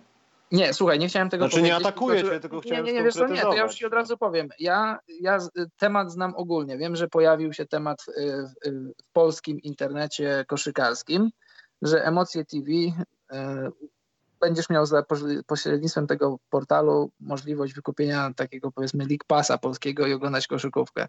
Nie wchodziłem w to, bo mnie to nie interesuje, ale z tego co wiem, to ludzie krytykują to za A, cenę, za B, y, dostępność nie wszystkich meczów, które, które będą grane w danej kolejce czy na przestrzeni całego sezonu. To jest największy zarzut kibiców koszykówki do emocji TV i wiesz co, jeśli to jest prawda, no to, to możemy o tym podyskutować. Jeśli nieprawda, no to wydaje mi się, ja, że to jest. Znaczy, no. ja, nie byłem, ja nie byłem targetem Emocje TV, bo na pewno nie będę płacił za, za polską koszykówkę, której nie oglądam. Jeśli będą Akurat ostatnio od paru tygodni mam polską telewizję i jeśli będzie Polska Liga dostępna na, nie wiem, Polsacie czy gdziekolwiek indziej, to jeśli będę miał czas i akurat będę w domu, będę oglądał, to sobie z chęcią odpalę jakiś mecz, ale nie będę dokładał, to znaczy nie będę dodatkowo płacił, żeby oglądać polską koszykówkę i tyle. Jeśli z mojej strony. Znaczy, ja od razu mówię, no w 100% masz rację, bo jak na razie ta sytuacja właśnie tak wygląda, że płacąc bodajże 49 złotych, tylko nie wiem, czy to jest w skali miesiąca czy sezonu, ale chyba sezonu, bo, bo mecze były w jakiejś śmiesznej cenie. To dostaje się jakąś część spotkań, ale nie dostaje się każdego meczu, to jest prawda. E, druga sprawa, tam były jakieś tłumaczenia ze strony emocji, jakieś delikatne nawet, dlaczego tak jest. E, aczkolwiek nie zrozumiałem nic z tego, bo tam było mało informacji, dlaczego tak jest, tylko po prostu tak jest. Chyba, że ze złego źródła czytałem, może ktoś niech No ja teraz wszedłem, sorry, że ci przerywam, wszedłem na Emocje TV i kup dostęp i tutaj mam yy, yy, minimum 120 meczów Energa Basket Ligi w sezonie. Yy, pakiet na 30 dni kosztuje 40 zł, czyli wychodzi na to, że jest to na 30 Czyli, czyli, czyli wychodzi na to, że to jest 50% miesięcznej opłaty za League Passa. No, czyli... Co jest na dzień dobry już yy, chore i jak, aczkolwiek... Jak dla, mnie jest to, jak dla mnie jest to cena zaporowa, no bo raz, że to jest... Znaczy połowa... Karol, no wiesz, ja już po, po podcaście z Karolem Waśkiem zauważyłem, że są kibice w Polsce z takiego miasta na W, jak Włocławek. O Jezu, powiedziałem, o Boże. E, którzy szanuję, są super za drużyną i tak naprawdę taka oferta może być skierowana do nich. Natomiast ja nie uważam, żeby w skali ogólnopolskiej policzmy te ośrodki, Trójmiasto, e, Toruń, Włocławek, no tam Bydgoszczy nie liczę, bo tam pierwsza liga niżej, ale też się jarają basketem, są w tym, nawet mogą sobie pojechać gdzieś tam do tego satelitarnego, znienawidzonego Torunia z Bydgoszczy. Wszystko jedno, ale mogą, tak? My w Warszawie nie mamy takiej możliwości. E, więc tam to by się prawdopodobnie przyjęło i to się przyjmuje, tam się sprzedaje. Poza tym ci ludzie chodzą na mecze, to są wkręceni, jak nie mogą iść na mecz, no to mają emocje, mogą kupić. To jestem w stanie zrozumieć. Natomiast, żeby tak ogólnie, w skali ogólnopolskiej, tak to wycenić, no to nie wiem, no to, to muszą być transmisje 4K w takim razie. No, no właśnie, ja jestem na nie, no bo, no bo powiedzieliśmy, to jest połowa League Passa, a jednak e, A, e, w koszykówkę w NBA trochę grają lepiej niż w koszykówkę PLK.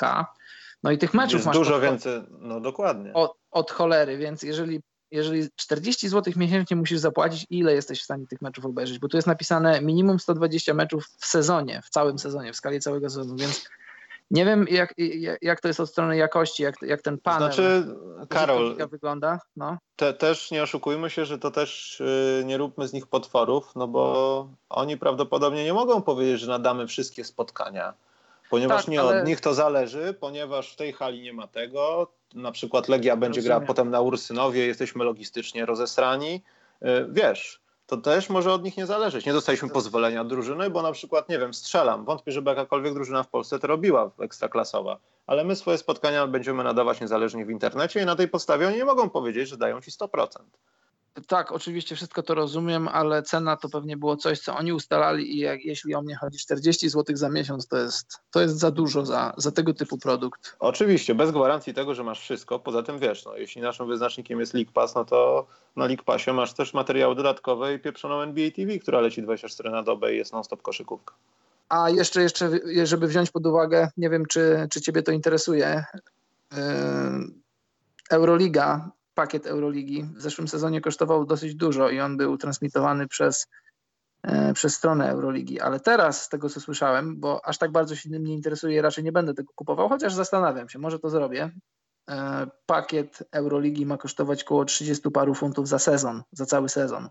Jeżeli porównasz sobie ilość spotkań i jakość, poziom koszykówki, no to, no to też tutaj e, Oczywiście. Emocje, no, emocje przegrywają trochę. A poza tym też pamiętajmy o tym, że mimo wszystko, co by się nie mówiło, no to Polsat wzmacnia ruchy i będzie więcej spotkań. E, I wiesz, mając taki wybór, że ten Polsacik to nawet na DVB-T odbiera, no może ten Polsat Sport nie, nie wiem, nie znam się, bo nie mam, ale przez internet to może da się coś zobaczyć, e, albo po prostu w domu, jak wykupię 5 zł droższy pakiet w kablówce, cokolwiek, to masz to gdzieś, bo i tak widzisz, że tutaj nie będzie wszystkich. Ja i tak nie mam aż tyle czasu. Na połowie spotkań będę, bo we Włocławku mieszkam i sobie na Polsaciku pooglądam, wiesz. I to też no. z ich punktu widzenia marketingowo myślę, że to nie zachęci ludzi, aczkolwiek może stwierdzili, że no nie mogą dać lepszej ceny, bo to jest nasze prawie zero. Tego nie wiemy, no bo tam myślę, że nie ma żadnej, żadnego nawet wywiadu z szefem albo z działem marketingu. No, nie wiem lepiej no nikogo nie, nie oskarżać, bo to może nie, być ja, cholernie ja...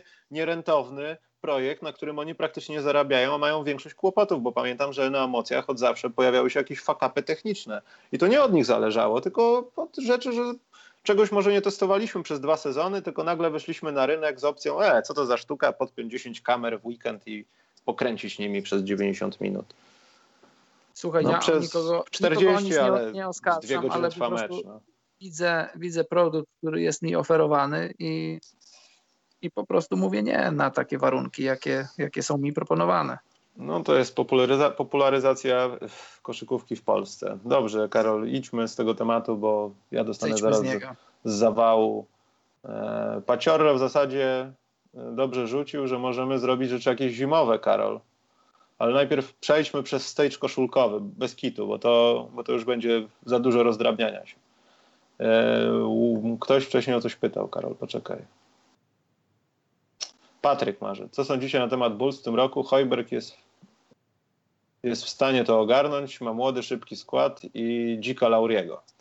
Właśnie, a propos, bo miałem się z tego pośmiać dzisiaj, ale mam to zapisane na Twitterze. Momencik. Jeśli chcesz, Karol, to się możesz wypowiedzieć, ja muszę to znaleźć. Na to pytanie. Na jaki temat?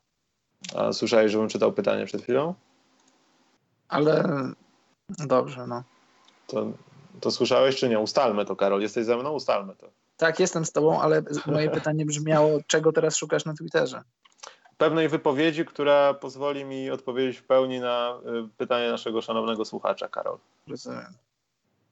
Dlatego jako taki upychacz treści, o dobrze, to już mam, to już dziękuję Ci bardzo za pomoc. Oglądaj dalej siatkówkę, bo pewnie oglądasz wszystkie najlepsze ścięcia Zagumnego teraz. Wiem o Oczywiście. tym. Z kim ja pracować muszę. No ale cóż. Lepiej tak niż no nie Jak się nie ma, co się e... lubi, to się lubi, co się ma, a tak. na bezrybiu Irak jest rybą. Dokładnie i weź te dwa granaty, sprawiedliwość musi być po naszej stronie. E... Odpowiadając na twoje pytanie, ja nie wiem, co sądzić o Hojbergu. No, można teraz tymczasowo przestać się z niego śmiać, bo jak na razie no to fajnie Lauri, fajnie Wendell Carter, chociaż to też nie do końca jest tak, że to jest hurra optymizm, bo ten Summer League wcale nie był taki wybuchowy, tylko po prostu pokazał się bardziej pod dobrym kątem niż złym. Hutchinsonem też jakoś bardzo słabo, ale myślę, że chłopak się wyrobi i nie będzie dołował w G League. Natomiast powiedziałeś szybki skład. No jeśli Zach mówi, że jego umowa na 78 milionów dolarów, cytuję, I don't have to validate things, i on tak o sobie myśli i że będzie hegemonem w obronie, to myślę, że możemy już doszukiwać jakichś pierwszych zgrzytów. Bo myślę, że to będzie pierwsza niezadowolona osoba z tego, że mimo wszystko, że Hojberg powie prawdę. A Chicago mimo wszystko też stawia na Dana i Lawina. I myślą, że Lawin naprawdę będzie kozakiem, a nie będzie kozakiem. Ten no nie, będzie. będzie. nie będzie bronił, jestem pewien. W dalszym ciągu, dlaczego w tej drużynie jest Denzel Valentine? On dalej tam jest. Chyba się nic nie stało od kiedy pamiętam, nie? Chyba nie. Więc nie do końca jestem zadowolony z tego. Aczkolwiek, jeśli tak wziąć na papierze to, co się tam wszystko dzieje, no to wygląda to lepiej niż sezon temu. Patrząc na Markanena i na jego kończyny górne, wygląda to jeszcze lepiej. Więc myślę, że będzie poprawa. No, tak jak rozmawialiśmy podczas podsumowywania tych over i under z Las Vegas i stawiania naszej własnej kabały na przyszły, na przyszły sezon, to myślę, że będzie lepiej, ale ja bym nie popadał w hurra optymizm. E, ja nie, nie płynę tym nurtem jak niektóre media, że w Chicago Bulls jest najlepiej, jak może być do tej pory, bo wcale tak nie jest. Kompletnie tak nie jest. No. Kropka.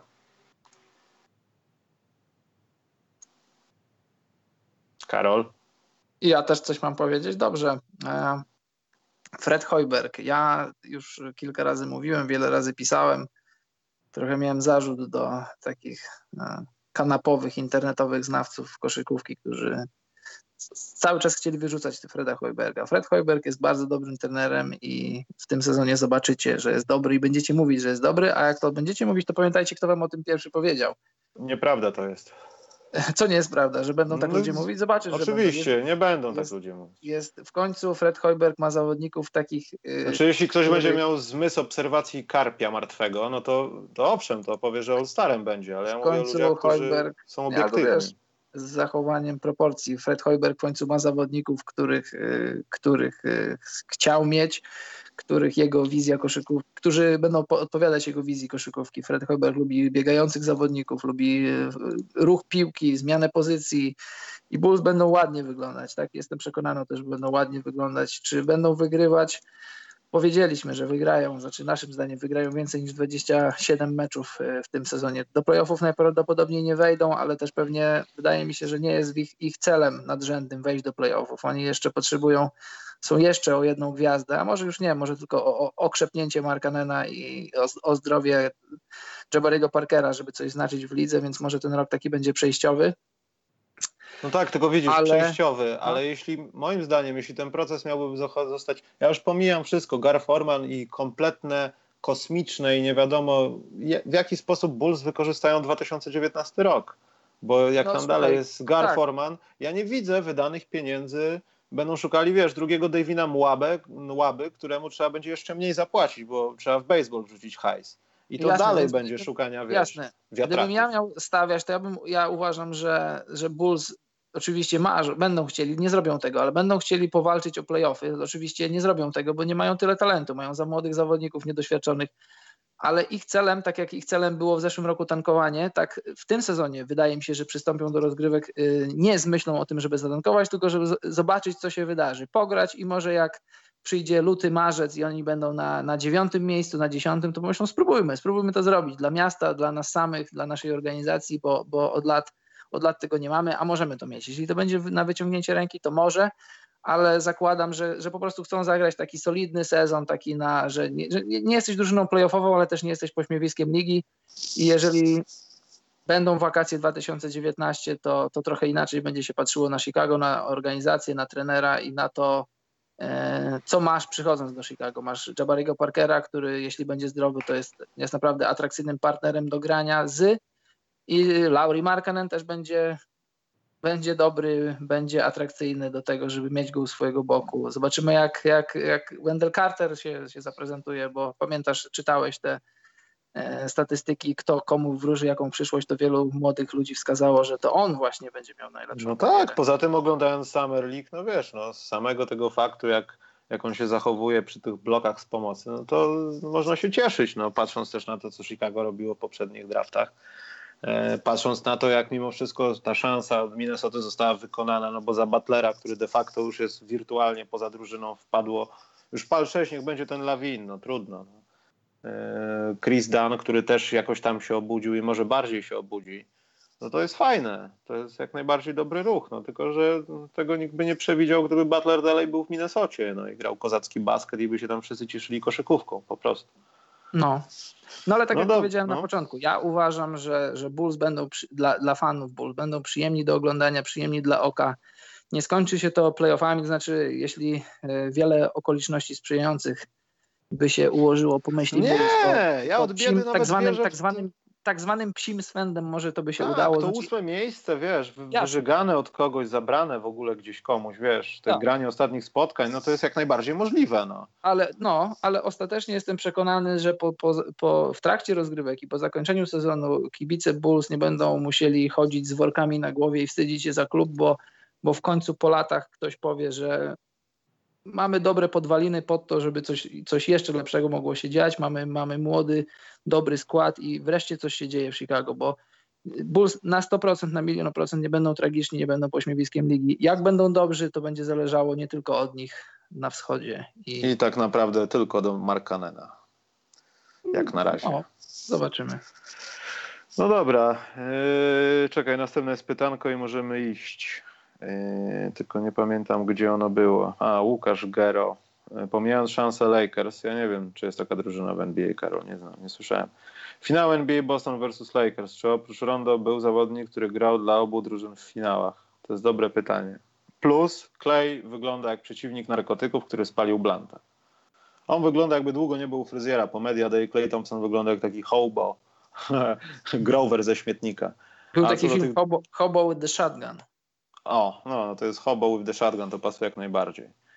E, Splash Brothers, One and a Czekaj, Half. E, czy był, no, czy był zawodnik, który grał w fin... No pe pewnie był, jakoś tak z głowy nie pamiętam, ale musiałbym się zastanowić. Znaczy, jak będę właśnie, teraz poczekaj. proces, jeśli teraz proces zastanawiania się uruchomię, to, to trochę się zawieszę. Ale znaczy z tych małych graczy, takich, na, którzy na, na gdzieś tam zmieniali na 12 czy 13 drużynę, to na pewno jest i no. myślę, że w ciągu ostatnich pięciu lat to może ktoś by taki się znalazł. Ale to jest ciekawe pytanie. No w każdym razie nie zastanawiajmy się teraz, bo, bo się zawiesimy.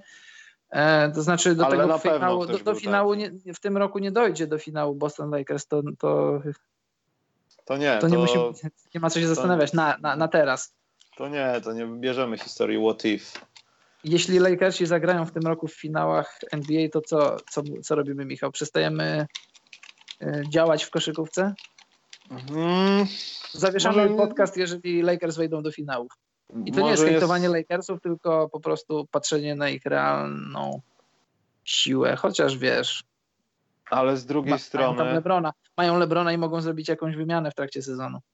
Tak, ale z drugiej strony nie skreślałem od razu całego sportu, że jedna liga jest jakaś taka wyuzdana. Nie, no jasne. No, no oczywiście. Nie, ja, sobie, ja sobie oczywiście żartuję, bo nawet jakbym, nawet jakby Lakersi weszli, to, to bym powiedział, że zmieniam zdanie. Moje słowo jest tyle warte, co żartuję.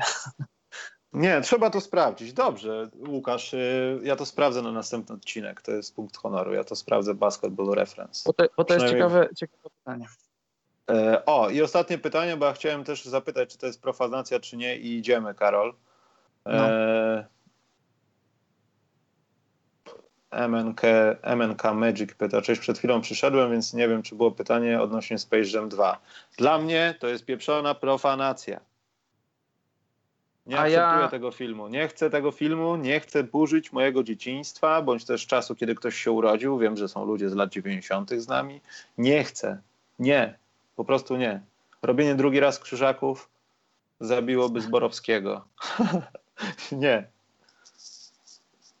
A ja mam to gdzieś, ogólnie moim zdaniem temat, temat Space Jamu 2 jest tak, tak już rozdmuchany i to wiesz, już od ładnych paru lat mówi się, kiedy będzie premiera, kto będzie grał, no kiedy już, już, już dowiedzieliśmy się, że to będzie LeBron, to co jakiś czas z różnych stron dociera do nas, kto tam zagra, kiedy to będzie. Mam, to, to jest trochę poza mną, bo no, Space Jam 1 oglądałem, podobał mi się, ale to też to nie był jakiś taki w cudzysłowie milestone mojego zainteresowania koszykówką i, i ten Space Jam 2 nie, nie, czekam na to, to znaczy ja, ja, nie krytykuję tego filmu, ale to nie jest coś, co spędza mi sens powiek i zastanawiam się, kiedy to będzie, kiedy będę mógł to obejrzeć. Jak będę miał okazję, to obejrzę, ale jakoś y, z wielkimi emocjami, z wypiekami na twarzy nie czekam na ten film.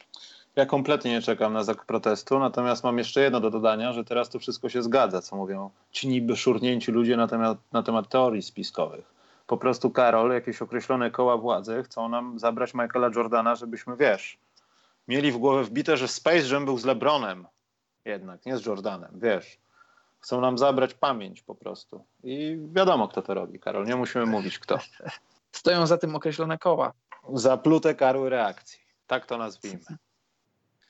Dobra, Karol, zjeżdżamy stąd. E, widzimy się pewnie za tydzień, no chyba, że Jimmy weźmie swoją gitarę i The Best of e, Country Music 2018 i pojedzie gdzieś do Miami, nie wiem, będzie w butach kowbojskich chodził po plaży nago. No to e, jak stawiasz? Czy w ciągu od dziś do za tydzień Jimmy będzie miał już nowy adres? Ja stawiam, że tak.